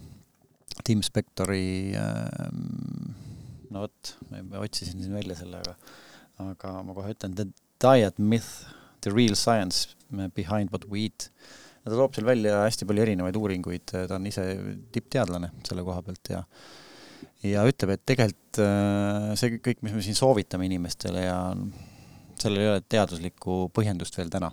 et, et tegelikult ei teata, ei ole väga suuri laiapõhjalisi uuringuid toitumise koha pealt äh, tehtud, mis noh, ühesõnaga erinevad mingisugused moed, eks ju, et omega kolm on hästi tähtis või, või äh, ongi seal mida iganes, erinevad sellised moe, moeasjad tulevad ja toobki välja üle maailma erinevaid nii-öelda gruppe, kus siis äh, näiteks Kreeta saarel söövad inimesed väga palju küllastunud rasvhappeid ja samas äh, südamehaigustega pole mitte mingit probleemi. kui vaadatakse sama uuringut Inglismaal Äh, kui inimesed söövad seal küllastunud rasvhapet liiga palju, siis on äh, kõigil nii-öelda veresoonkonna haigused, südamehaigused, et miks see nagu tuleb. ja, ja ta noh, ta jõuabki lõpuks sinnamaani, et, et äh, mitmekesine toit on ülioluline, pluss tegelikult see, mis mikrobioom sinu sees, need bakterid, kes elavad sinu soolestikus, ütlevad sulle või, või millega nemad nagu hästi hakkama saavad, et sinu keha nagu hästi tunneks. et, et ma äh, noh, olles ka nüüd tegelenud, ütleme niisugune kaks aastat, kolm aastat võib-olla peaaegu selle uurimisega ja noh, tegelikult eh, noh, nähes, mis inimesed, eh, kuidas nemad nagu reageerivad ja ja ka enda pealt, et võib-olla just see pool, et kui sa sööd midagi ära ja kui sa tunned hästi, siis see järelikult oli hea sinu jaoks ikkagi. et, et võib-olla sellised nagu dieetide pealesurumised, et olge nüüd taimetoitlased või olge, sööge nüüd rohkem liha või noh, nagu sa ütlesidki, Elis, väga hästi, et kindlasti on väga palju inimesi, kes ütlevad, vot see töötas mulle väga hästi, jaa mm, -hmm. see töötaski, sest sinu mikrobioom toetas seda asja, sulle nagu meeldis, näiteks sama Siim, kes teeb siis getodieeti, tema mikrobiom ilmselt on sellega täpselt niimoodi harjunud, et tema see, see keha temal saabki kõik väga hästi ette, ta on tugev, ta on terve, aga näiteks Kris, sina hakkaksid seda tegema, noh, vaevalt, et sa terveks jääksid. sinu mikrobiom on hoopis millegi muuga. aga nagu mul tekibki siinkohal alati küsimus ka, et huvitav, et, et aga äkki see seisund, kus me täna oleme siin kõik enda mikrobiomiga, mis see stardipauk tegelikult oli, et me juba oleme harjunud mikrobiomis, noh, meil on juba toimunud mikrobiomi harjumus või har harjunud olek. ja kui mina võtsin näide, kui mina võtaksin nüüd näiteks Siim Landi dieedi ette, siis algus oleks raske, aga mikrobiom Proovime. adapteeruks, et äkki ma siis, kui mul on adaptatsioon tekkinud, siis mu mikrobiom on muutunud. ja äkki siis ma olen ka selle pealt drive in ja kindlasti. Ja nii ongi, aga see võtab pikalt-pikalt aega, et see ongi see koht, mul on endal väga hea nii-öelda kogemus siin aasta algul, ma proovin, olin täitsa täis vegan mingi, ma ei tea, nelikümmend viis, viiskümmend päeva. noh, nelikümmend viis päeva, umbes nii jah ja okay, ma ja... sundisin ära, ma ütlesin, et ta ei tule tööle muidu enne, kui ta vegan ei ole. no jah, päris nii ei olnud, ma sundisin iseennast, sest ma tahtsin nagu katsetada tõesti, olingi vegan ja tegelikult noh, ma ütlen ka, et äh, Kris tõi siin enne välja, et jube raske on nagu kohaneda just sellega, et sa pead hakkama süüa tegema täitsa teistmoodi, no see oli nagu tegelikult kõige raskem osa sellest. ma panin tähele ka, et, et äh, nagu ma ei tundnud ennast kõige paremini ma nagu midagi nagu oli puudu, kas mingit jõudu või midagi oli nagu puudu, aga noh, see ei olnud nagu nii võib-olla märgatav, aga, aga ma sain sellest nagu tagantjärgi aru, kui ma läksin reisile ja ostsin selle Iberico kuivatatud liha seal Hispaanias onju mm -hmm. ja siis ma panin selle keele peale, issand, kui hea see on. siis ma sõin seda liha nii-öelda, ma tundsin, et mu kehal oli sellest puudu olnud, mis iganes sealt siis tuli, kas mingeid rasvhappeid või mm -hmm. midagi mul oli puudu, võib-olla ma ei osanud, noh, ilmselgelt ma ei, ma ei tea nii palju nagu Kris on ju sellest äh, taimsest või vegan toitumist, eks ma seal tegin noh, niimoodi suhteliselt suvaliselt seda toitu küll igapäevaselt ja sõin nagu palju aga just seda tunnet, et kui ma seda liha sõin ja ma tundsin, kuidas mul siis tuli see power tagasi või see noh, päris nagu noh, hea, hea tunne, et, et mm, -hmm. et ja. minu organism nagu vajas seda, et. ma, jah, ma arvan, et selles mõttes, et eks, eks siin seal kasvõi selle Kree-, Kreeta ja selle Inglismaa jutuga, et mul nagu natukene mm, ma, ma natukene arvan ka seda, et selliseid näiteid, ma olen seda ka ise nagu mõelnud ja et, et noh, Inglismaal, UK-s on väga kehv dieet kui selline, seal on väga palju kiirtoitu ja see külla ja jällegi küllastunud rasvad, üldse rasvad võivad olla väga erinevad. me ei saa ainult rääkida rasvadest või ainult süsivesikutest või ainult valkudest. jällegi Kree-, Kreeta saarel, noh, inimesed kasvatavad väga palju toitu ise, nad teevad toitu ise, nad teevad toitu armastusega, neil on mingid traditsioonid, nad kasutavad palju oliiviõli. päikest on rohkem. päikest on rohkem, mis tegelikult oliiviõli jällegi või noh, kõik saab pähklid, seemned, kala ja selles mõttes oomega, isegi kui nad söövad seda küllastunud rasva palju, nad söövad ka väga palju siis neid küllastumata äh, mhm. rasvasid, ehk siis jällegi äh, ma noh, muidugi jällegi see on nagu minu selline arvamus, me jällegi mingid asjad on, mida me mitte kunagi tea, ei tea, ma arvan, et see on ka väga selline kultuuriline erinevus, kas ka kindlasti see mikrobioom mängib seal rolli, aga aga see on noh, näiteks kasvõi Äh, või seal oli, ah, issand, see oli Prantsuse paradoks, ma ei tea, kas sa olete kunagi kuulnud sellisest äh, selles raamatus ka seda on, toob välja, jah. ja, ja et see on siis see, et miks äh, prantslased on nagu kindlasti väga, tal on palju küllastunud rasva mm. või vahukoor, croissant no, või juust, juust, liha on ju just nimelt mitte kanakene, vaid ikkagi nagu me räägime rasvasest sellisest punasest lihast, mis nagu võiks mängida rolli või noh, võiks siis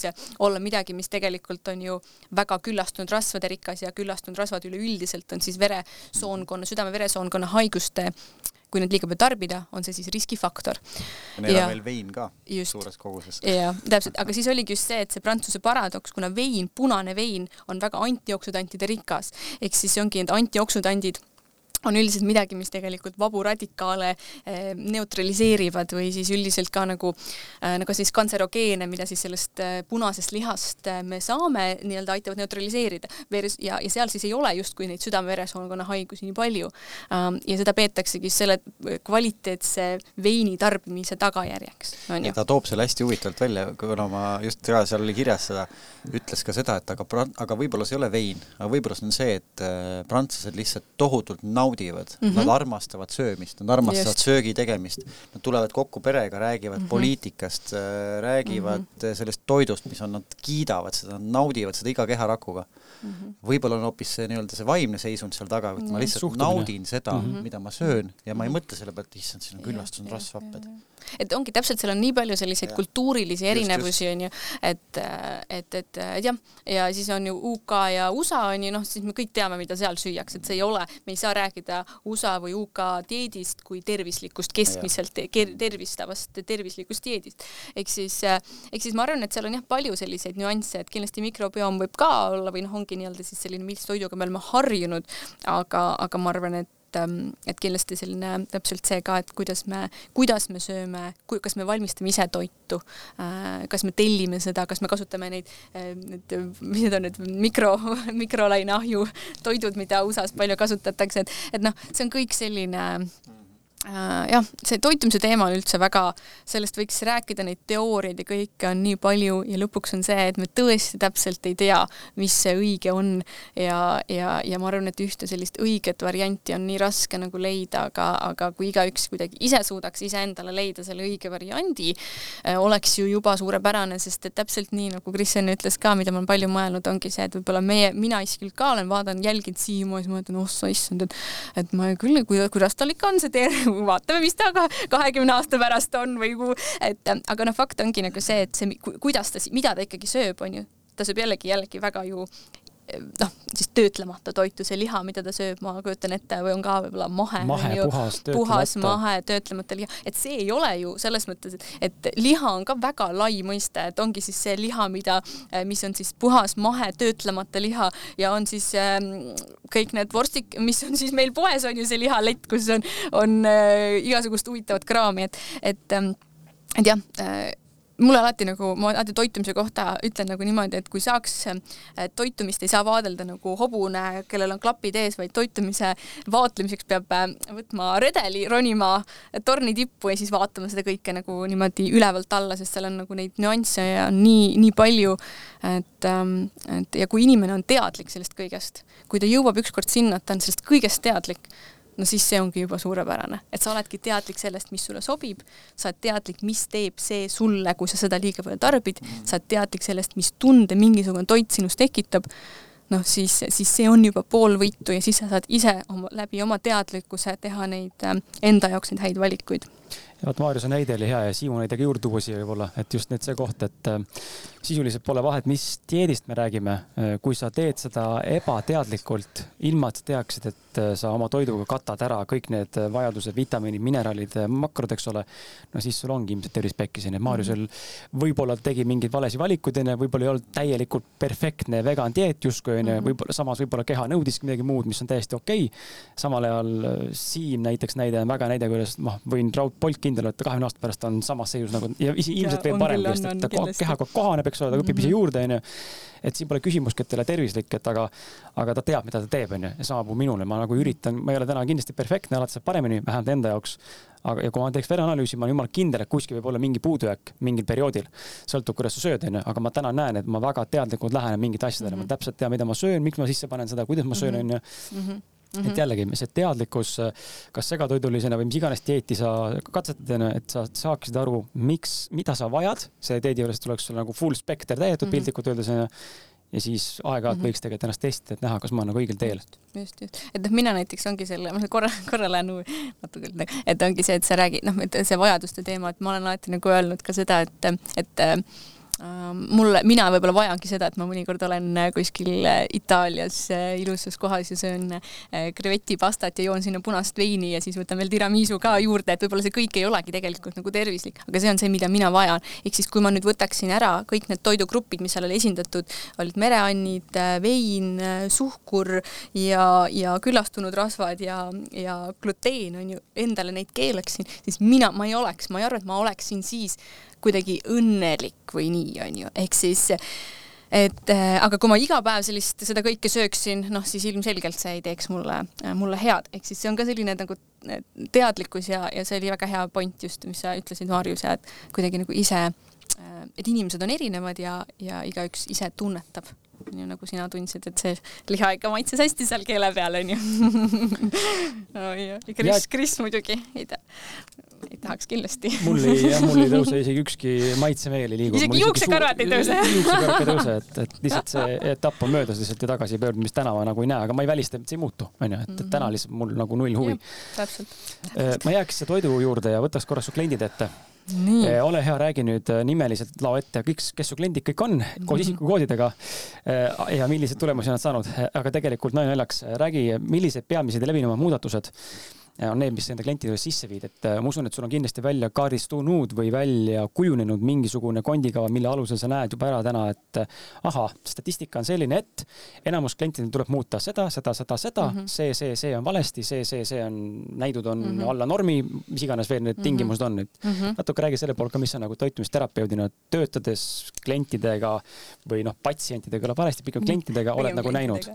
ja, ja ja kui palju see, kui palju sa oskad öelda, et see nüüd sinu statistika võiks olla nagu üleüldse nii-öelda Eesti kohta keskmisega nagu enam-vähem, mhm. et kui me näeme, et Elise juures on mm -hmm. a la kindel värk, et inimesed tulevad, neil on probleem, ma ei tea, liigse rasva tarbimisega või, või ma ei tea, K2 on madal või T3 on üle võlli onju, et siis see on enamikel eestlastel ilmselt samamoodi, et sa näed nagu mingeid mm -hmm. baasmustreid ja, ja, ja noh, jällegi ma lähen sinna juurde, et ma olen hästi jällegi ise nagu võtan, võtan, olen, tahan hästi võtta nagu justkui nagu seda tavalist inimest ja aidata tal tervislikult toituda, et, et mitte teha juba tervislikku toitu, et veel paremaks on ju, nii väga see ei ole võib-olla see, vaid ongi lihtsalt see, et, et tõesti hästi lihtsalt äh, hakata vaikselt peale. Ja seda ma olengi tegelikult näinud, et jällegi enamikele inimestele võib-olla ei sobigi see, et nüüd all in, nüüd me võtame kõik ära, teeme üle järg-, kohe nii-öelda homsest on sinu toidulaud kardinaalselt teine, vaid see kõik käib nii-öelda väga nagu äh, samm sammu haaval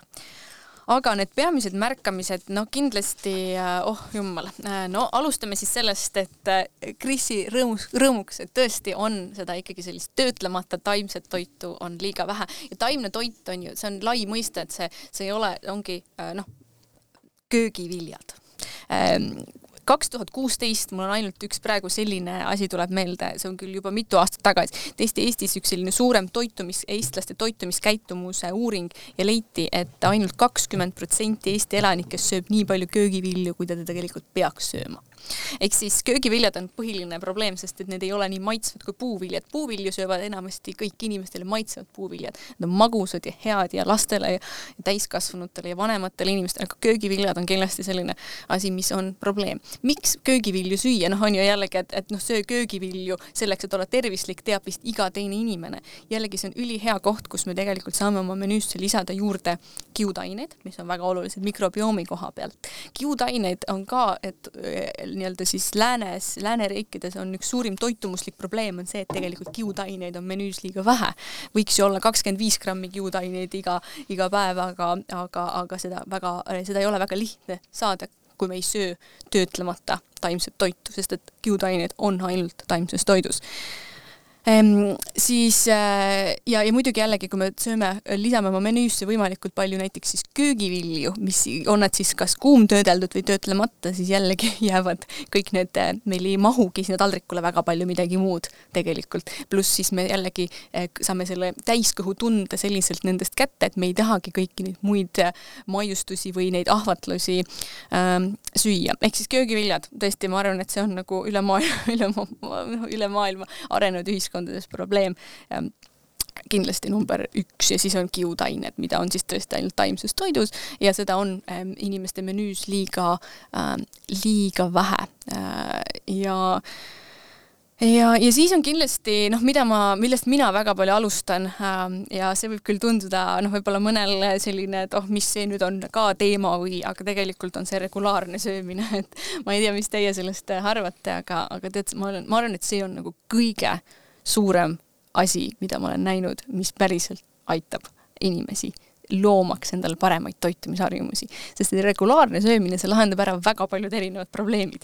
esiteks see ongi see, et sul ei teki tohutut sellist energiapuudust, sellist hundiisu, sest me, kui nii, kui see hundiisu tekib, siis meie aju juba ei ole niivõrd ratsionaalne ja tegelikult sööks ära kõik, mis ette antakse regulaarne söömine aitab meil tegelikult lisada ka noh, nii-öelda kui me noh, regulaarse söömise all ma mõtlen, et ongi näiteks hommikusöök, lõunasöök, õhtusöök ja selle juures on vahepalad, sest need vahepalad ongi tegelikult ju need toidu, need toidukorrad, kus me saame näiteks süüa puuvilja ja pähkleid, sest kuhu sa muidu neid puuvilju ja pähkleid paned, on ju.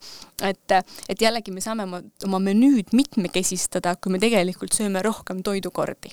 see on jällegi minu isiklik arvamus, ma saan aru, et on ka võib-olla teisi toitumiseksperte, kes arvavad, et võiks süüa ainult kas kolm korda päevas, võib-olla isegi ainult ühe korra päevas, on ju. et see on midagi, mida mina olen hästi palju näinud, pluss see kindlasti vähendab äh, selliseid emotsionaalseid söömishoogusid ka ja, ja, ja üldiselt see ja kindlasti see mõjub üleüldiselt hästi ka sellisele energiatasemele ja naiste puhul ka hormonaalsele tasakaalule. ehk siis äh,, ehk siis see on võib-olla ka selline oluline oluline teema, mis äh, nii äh, tundub kuidagi nii lihtne, aga see toimib tohutult hästi. Äh, see on üks asi veel, mis ma olen, olen näinud. Mis, mis veel, issand, mis ma siin nüüd ära, ma arvan, et noh, selline ütleme jah, et regulaarne söömine, rohkem taimset toitu, äh, rohkem ise söögi valmistamist, see on midagi, mida ma väga palju inimestesse tahan süstida. Ja see on ka selles mõttes natukene probleem, sest et kui sa elad suures linnas, siis voltimine, poltimine on väga käe, väga lihtne.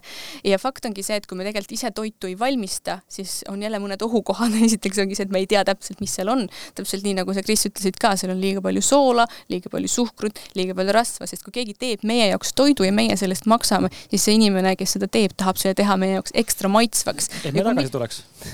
on ju, just, täpselt, ja kui midagi on, ja tead, see on ka siin naljaasi, mis ma alati ütlen. ma ei ole, aga selles mõttes on nagu pool naljaga, aga tõesti, kui midagi on liiga maitsev, siis ta võib-olla ei ole liiga tervislik, aga see on selline väga nagu üldistatav ja nagu pool, pool naljaga onju, see oleneb inimese maitsemeelest.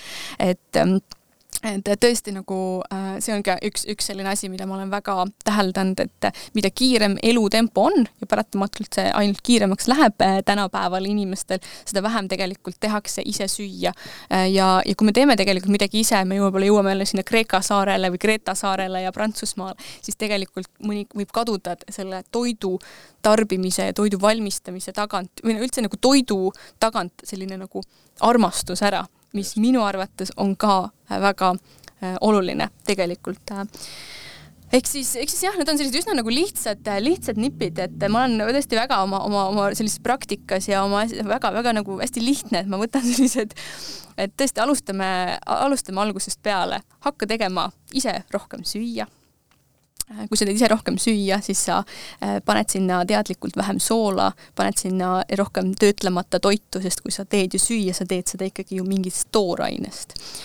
ja, ja sa sööd regulaarsemalt ja, ja ma arvan, et see on, see on tõesti midagi, mis toob üllatavalt ilusaid ja, ja häid tulemusi, aga, aga fakt on ka see, et, et tuleb selle juures ennast ka hästi palju nagu harida, sest et kui sa päriselt nagu ei tea, miks sa midagi teed, siis seda on väga raske teha. ehk siis üks asi on see, et sa paned kõik selle praktikas, noh, sa praktiseerid, teine asi on see, et sa tood veel selle teadlikkuse sinna juurde, et kui me need kaks omavahel ühendame, et siis see oleks, see on äh, selline kõige äh, kuldsem võti siis tervislikuma eluni minu arvates üks nipp, mis ma tahaks anda, te võite katsetada seda kodus ka, kuulajad ja Maarjus ja Elis ka, et äh, sa rääkisid kiudainetest. ma lisan siia võrrandisse ka valgu ja ma räägin uh mhm. -huh. taimsest valgust uh -huh. ja mhm. just kaunviljadest läätsed lähevad kaunviljale ka või? jah, jah, jah, mõni inglise keeles on ja ikkagi lähevad jah, jah.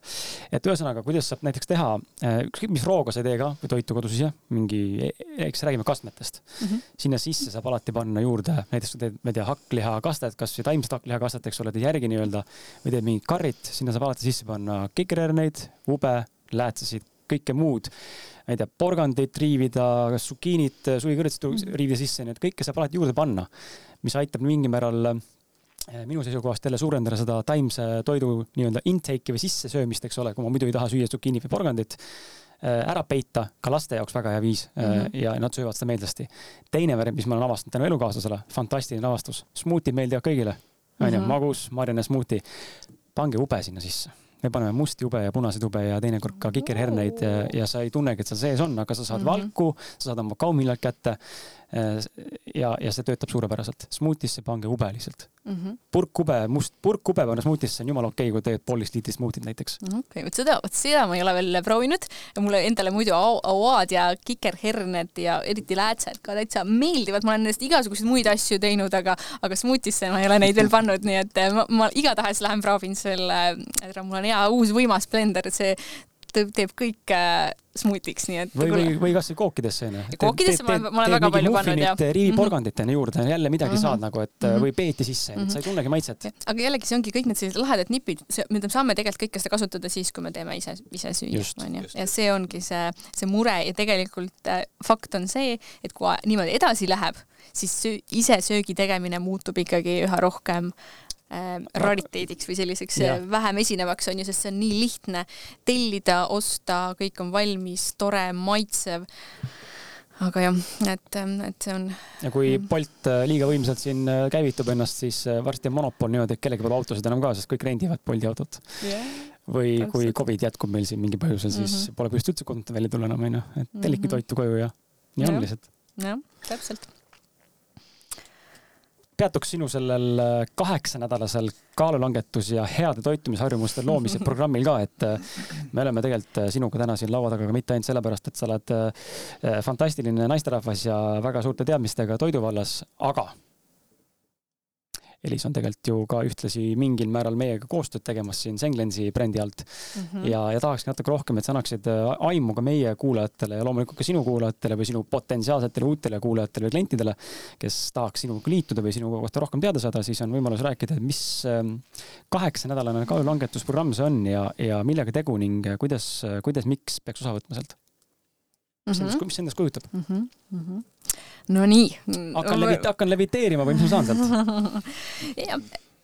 ütleme nii, et ähm, üks põhjus, miks ma selle, selle programmi tegin, oligi see, et sellist asja ei ole rohkem kuskil mu-, no ütleme nii, jah, seda, sellist asja ei ole ja sellel programmil kõige suurem äh, erinevus võib-olla teiste puhul ongi see, et ta on väga nagu teadmistele te uute teadmiste saamiseks suurepärane koht, sest et see ei ole ainult mingi selline kaalulangetusprogramm, äh, mis muidugi kõlab väga hästi ja ilusti, kuidas sa seda ütlesid, vaid see on tegelikult ikkagi nagu ma ütleks, toitumiskoolitus mingil määral ka. ehk siis see on nagu selline, kus on kõike koos, et, et sõna otseses mõttes äh, äh, iganädalaselt äh, umbes selline tund kuni poolteist tundi äh, võetakse, võtamegi läbi siis erinevad toitumisega seotud teemad äh, sõna otseses mõttes kõige lihtsamatest süsivesikud, rasvad, valgud, sool, suhkur ähm,, äh, alkohol ka on ju, kuidas noh, kõik kõik emotsionaalne söömine, haiguste seos toitumisega, toidulisandid, ehk siis ma, ma tunnengi nagu jällegi seda, et mul on toitumisnõustajana kaks varianti. üks variant on see, et ma ütlen inimesele, et söö seda ära söö seda, ma teen sulle mingi kava, selliseid on hästi palju. aga tegelikult eh, need tavaliselt ei õpeta inimesele mitte midagi ja sealt jääbki hästi palju puudu nagu seda üleüldist nagu teadlikkust või infot.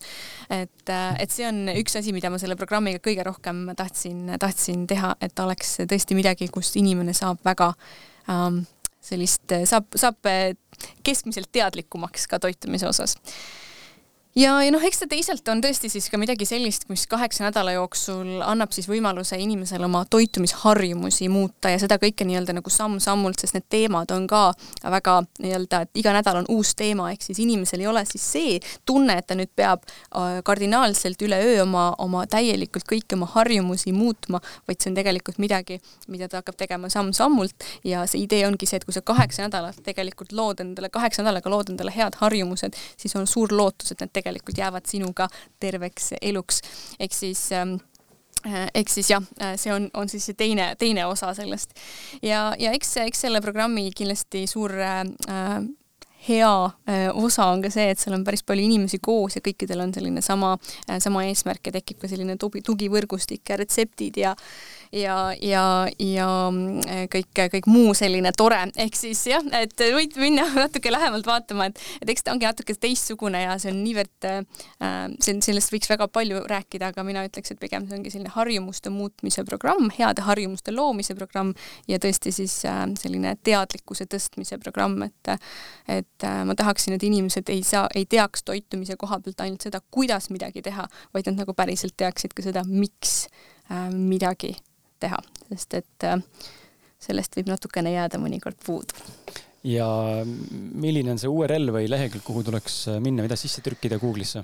Ähm, www.toitumisnõustajapluss.ee, sealt leiab kõige mhm. rohkem, aga kui mind ka guugeldada, et siis leiab minu kodulehe ja sealt siis saab kohe, kohe sinna mhm. kaheksandalase programmi juurde ka minna, et kahekümne kaheksandal märtsil meil algab nüüd uus, uus programm, nüüd üks just lõppes ja, ja, ja siiani on see olnud väga väga edukas ja mulle kõige rohkem meeldibki just see tagasiside, et kui inimesed ütlevadki, et, et see reaalselt muutis nende mõttemaailma või arusaama toitumisest, et ei ole ainult lihtsalt see, et ma teen täpselt nii, nagu keegi mulle ette ütles, söön täpselt nii mitu grammi seda, vaid tegelikult me nagu ma tahaksin, et inimesed äh, õp-, oskaksid ise tervislikult toituda, ilma et keegi neile kogu aeg peaks midagi ette ütlema mm. -hmm.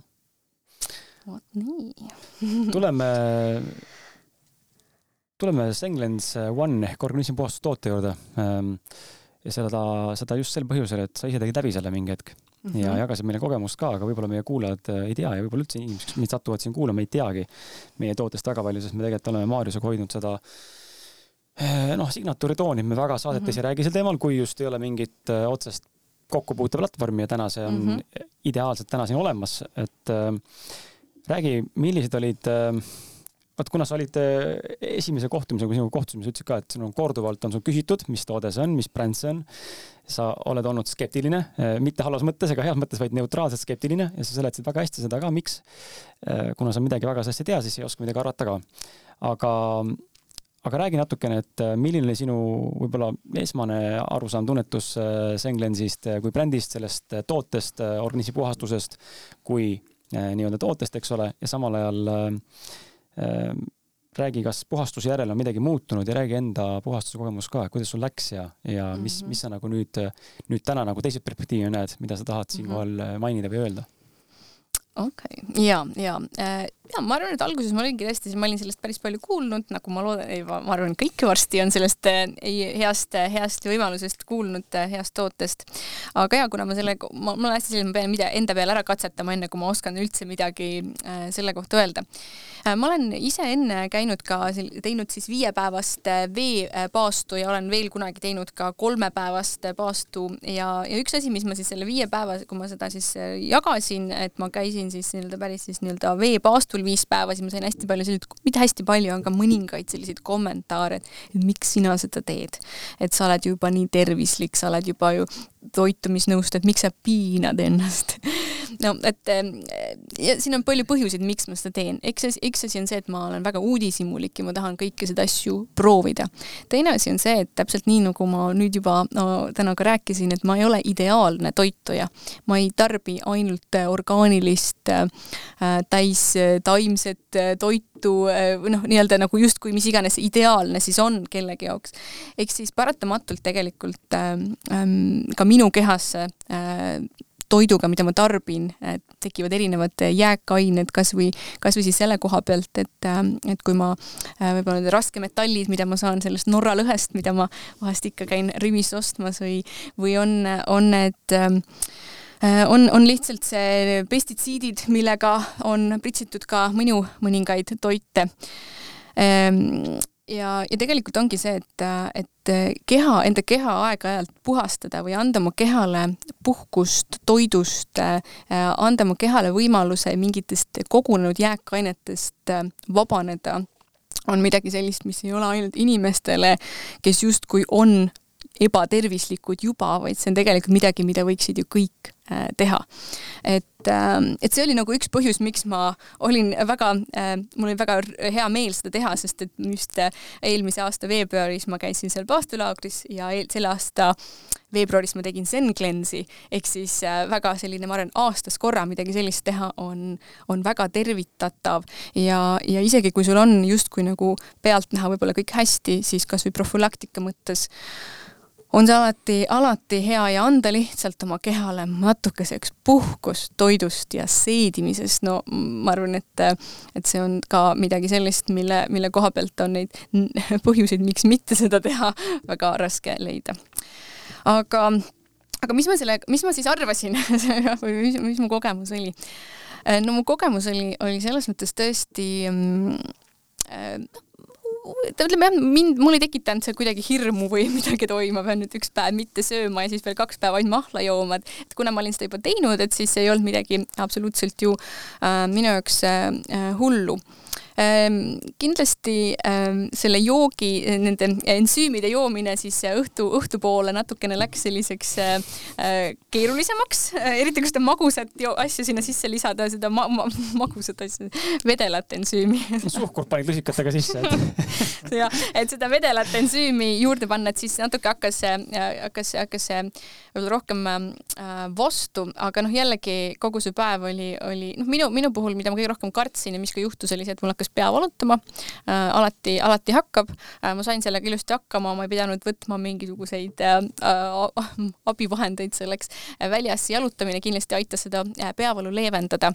ehk siis äh,, ehk siis kokkuvõttes noh, ma ütlengi, et kui ma, mul see päev oli nüüd, kui ma seda tegin, oli ka juba üsna äh, üle, üle kuu aja tagasi, et, et äh, minu jaoks oli kõik väga, noh, see oli lihtne, see oli, see oli ja, ja ma saan aru, et, et võib-olla mõnele inimesele, noh, selle kasvõi selle joogi joomine võib tekitada natuke natukene sellist, et issand, noh, võib, võib hakata ka see tekstuur natukene vastu, aga, aga ma arvan, et enamikele inimestele kindlasti mitte ja see ongi jällegi midagi, mida sa tegelikult ju teed ainult selle ühe päeva versus on ju variant minna ka viieks päevaks veepaastule, mis on kindlasti palju hullem.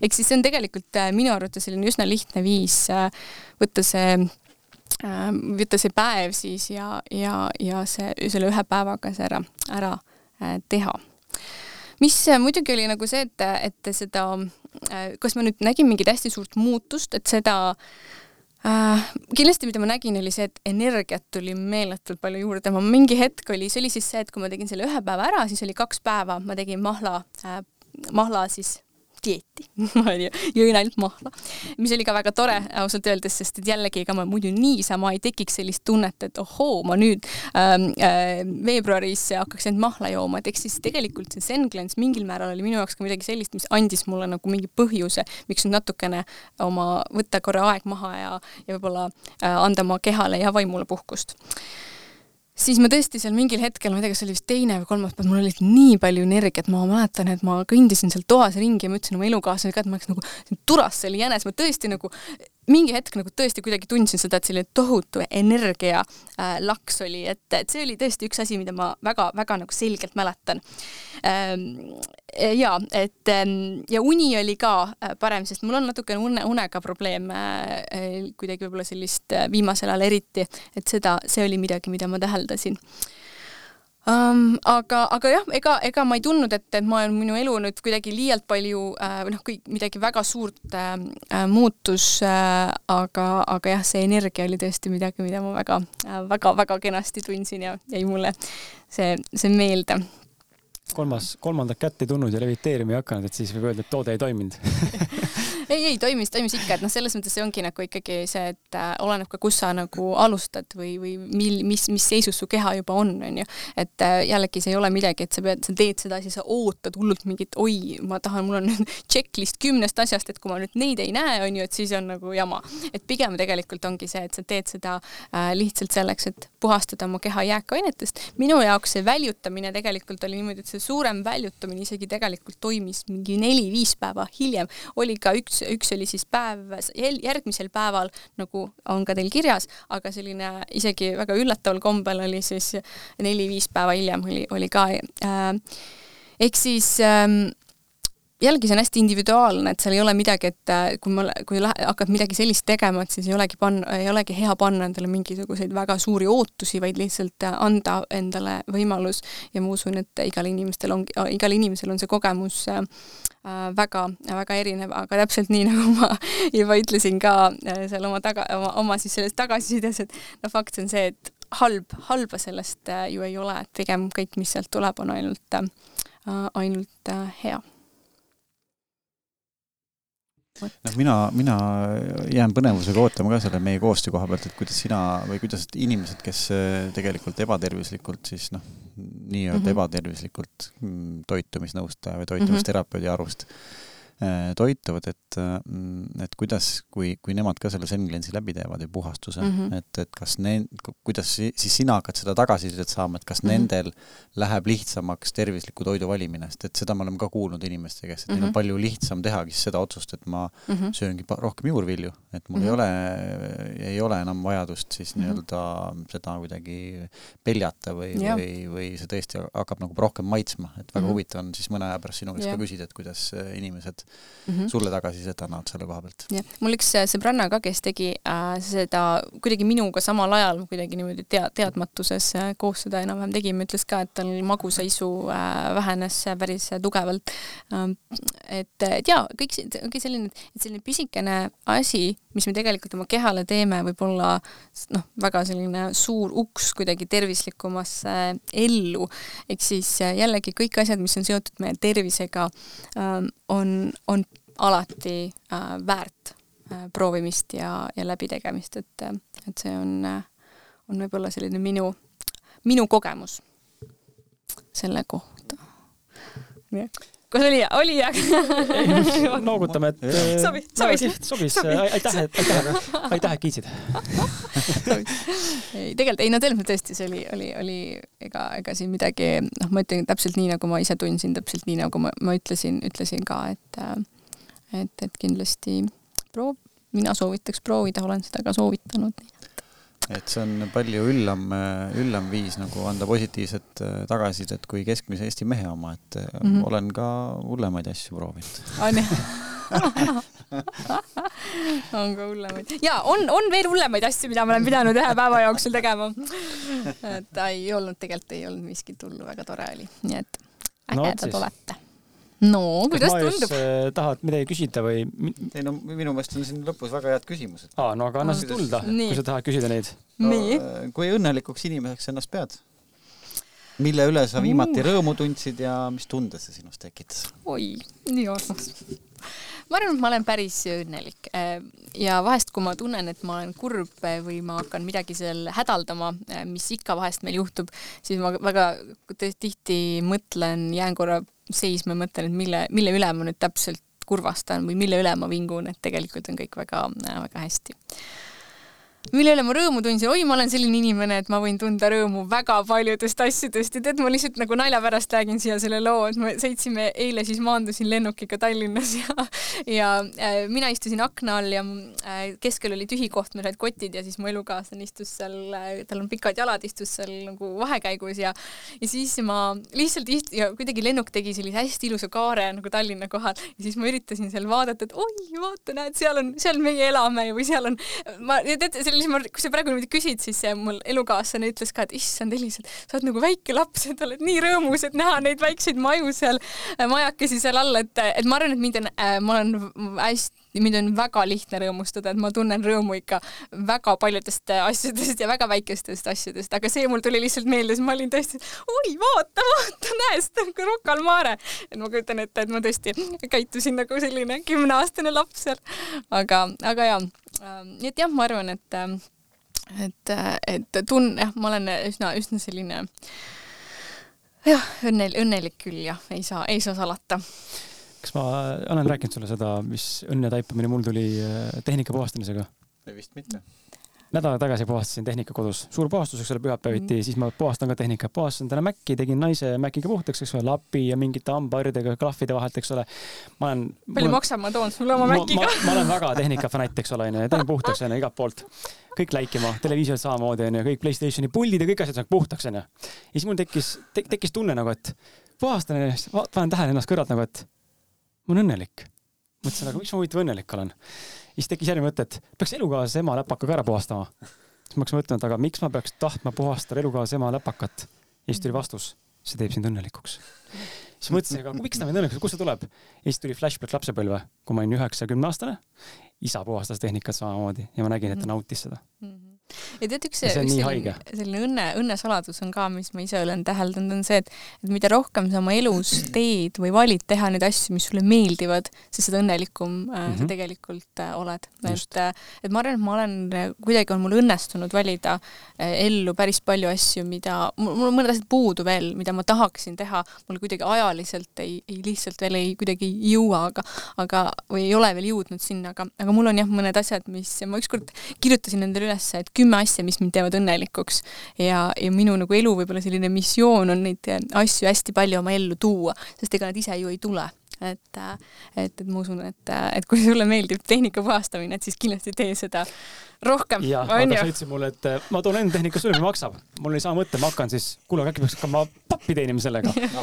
aga siis ma juba saan aru sellest, et siis ma juba, siis ma muudan selle rõõmu, päris mm -hmm. siira õnnetunde, muudan juba äriks ja see mingi hetk võib-olla ei ole jätkusuutlik enam. või kohustuseks, eks. kohustuseks just, et ma juba pean puhastama, sest mm -hmm. ma forsseerin seda nii-öelda tunnet siis juba sellisel juhul mm. -hmm. et siis ma saan aru, et okei okay,, ei, mulle piisab, kui ma puhastan enda kodu pereliikmete läpakaid ja see pakub mulle õnne okay.. no ma ei too siis, selge. võin tasuta tuua kuule, aga väga tore või? jaa minu mhm. meelest on palju hullemaid saateid olnud.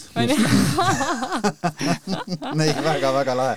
minu meelest oli väga lõbus ja rõõm oli sinuga vestelda, et sinu mm -hmm. silmad säravad siin teisel pool lauda ja, ja yeah. super, super kihvt, et äh, et kui minu käest küsida, mis mind viimati õnnelikuks tegid, siis tegi, siis tänane saade tegi mind kindlasti väga õnnelikuks, et väga-väga no, lahe. ja oli tulid. tõesti tore saade, et, et ma ise mõtlesin ka, et mis ma nüüd siin tulen ja räägin, et või ma noh, mõtlesin noh, kuidagi, et mis, mis me siin nüüd räägime, aga, aga vaata, saime rääkida küll, et isegi kui meil on võib-olla mingite asjade koha pealt natuke erinevad vaated või arusaamad, siis on nii tore, et saime siin neid diskuteerida ja okay. väga, väga ägedad olete ja okay. on muidugi on okei okay.. siin oleme sõbralikud, aga Facebookist olen unfriended, sorry ja muideks äh, tund nelikümmend kaks on täis tiksunud, nii et saade on päris äh, korraliku sisuga olnud meil. no meil on jah see, ma kipp-, ma juba kartsin seda, et ma räägin liiga pikalt ei räägi midagi. kuule, aga veel kord, kus sind leida saab veel lõpetuseks? no mul on, minu nimi on Elis Nikolai, mis on äh, selline nimi, mida mitte kuskil mujal ei ole, nii et äh, seda sisse toksides nii Instagrami, Facebooki kui ka äh, Google'isse, siis leiab ainult mind. ehk siis, ehk siis jaa, tõesti igal pool Elis Nikolai alt mind leiab, nii et, et võite vaadata, mis te siis sealt leiate, vanu pilte tahad öö, otsa tõmmata kokku, Maarjus? no ei, ma tahaks lihtsalt öelda, et kui inimestele ka meeldis see saade ja nad õnnelikumaks muutusid, et siis jagage seda, soovitage sõpradele ja hoidke silm peal ka meie eelmistel ja tulevastel tegemistel, nii et äh, ilusat päeva jätku või õhtu jätku, millal te, millal te kuulate seda. et äh, aitäh kuulamast! jah, tšau, tšau! tšau!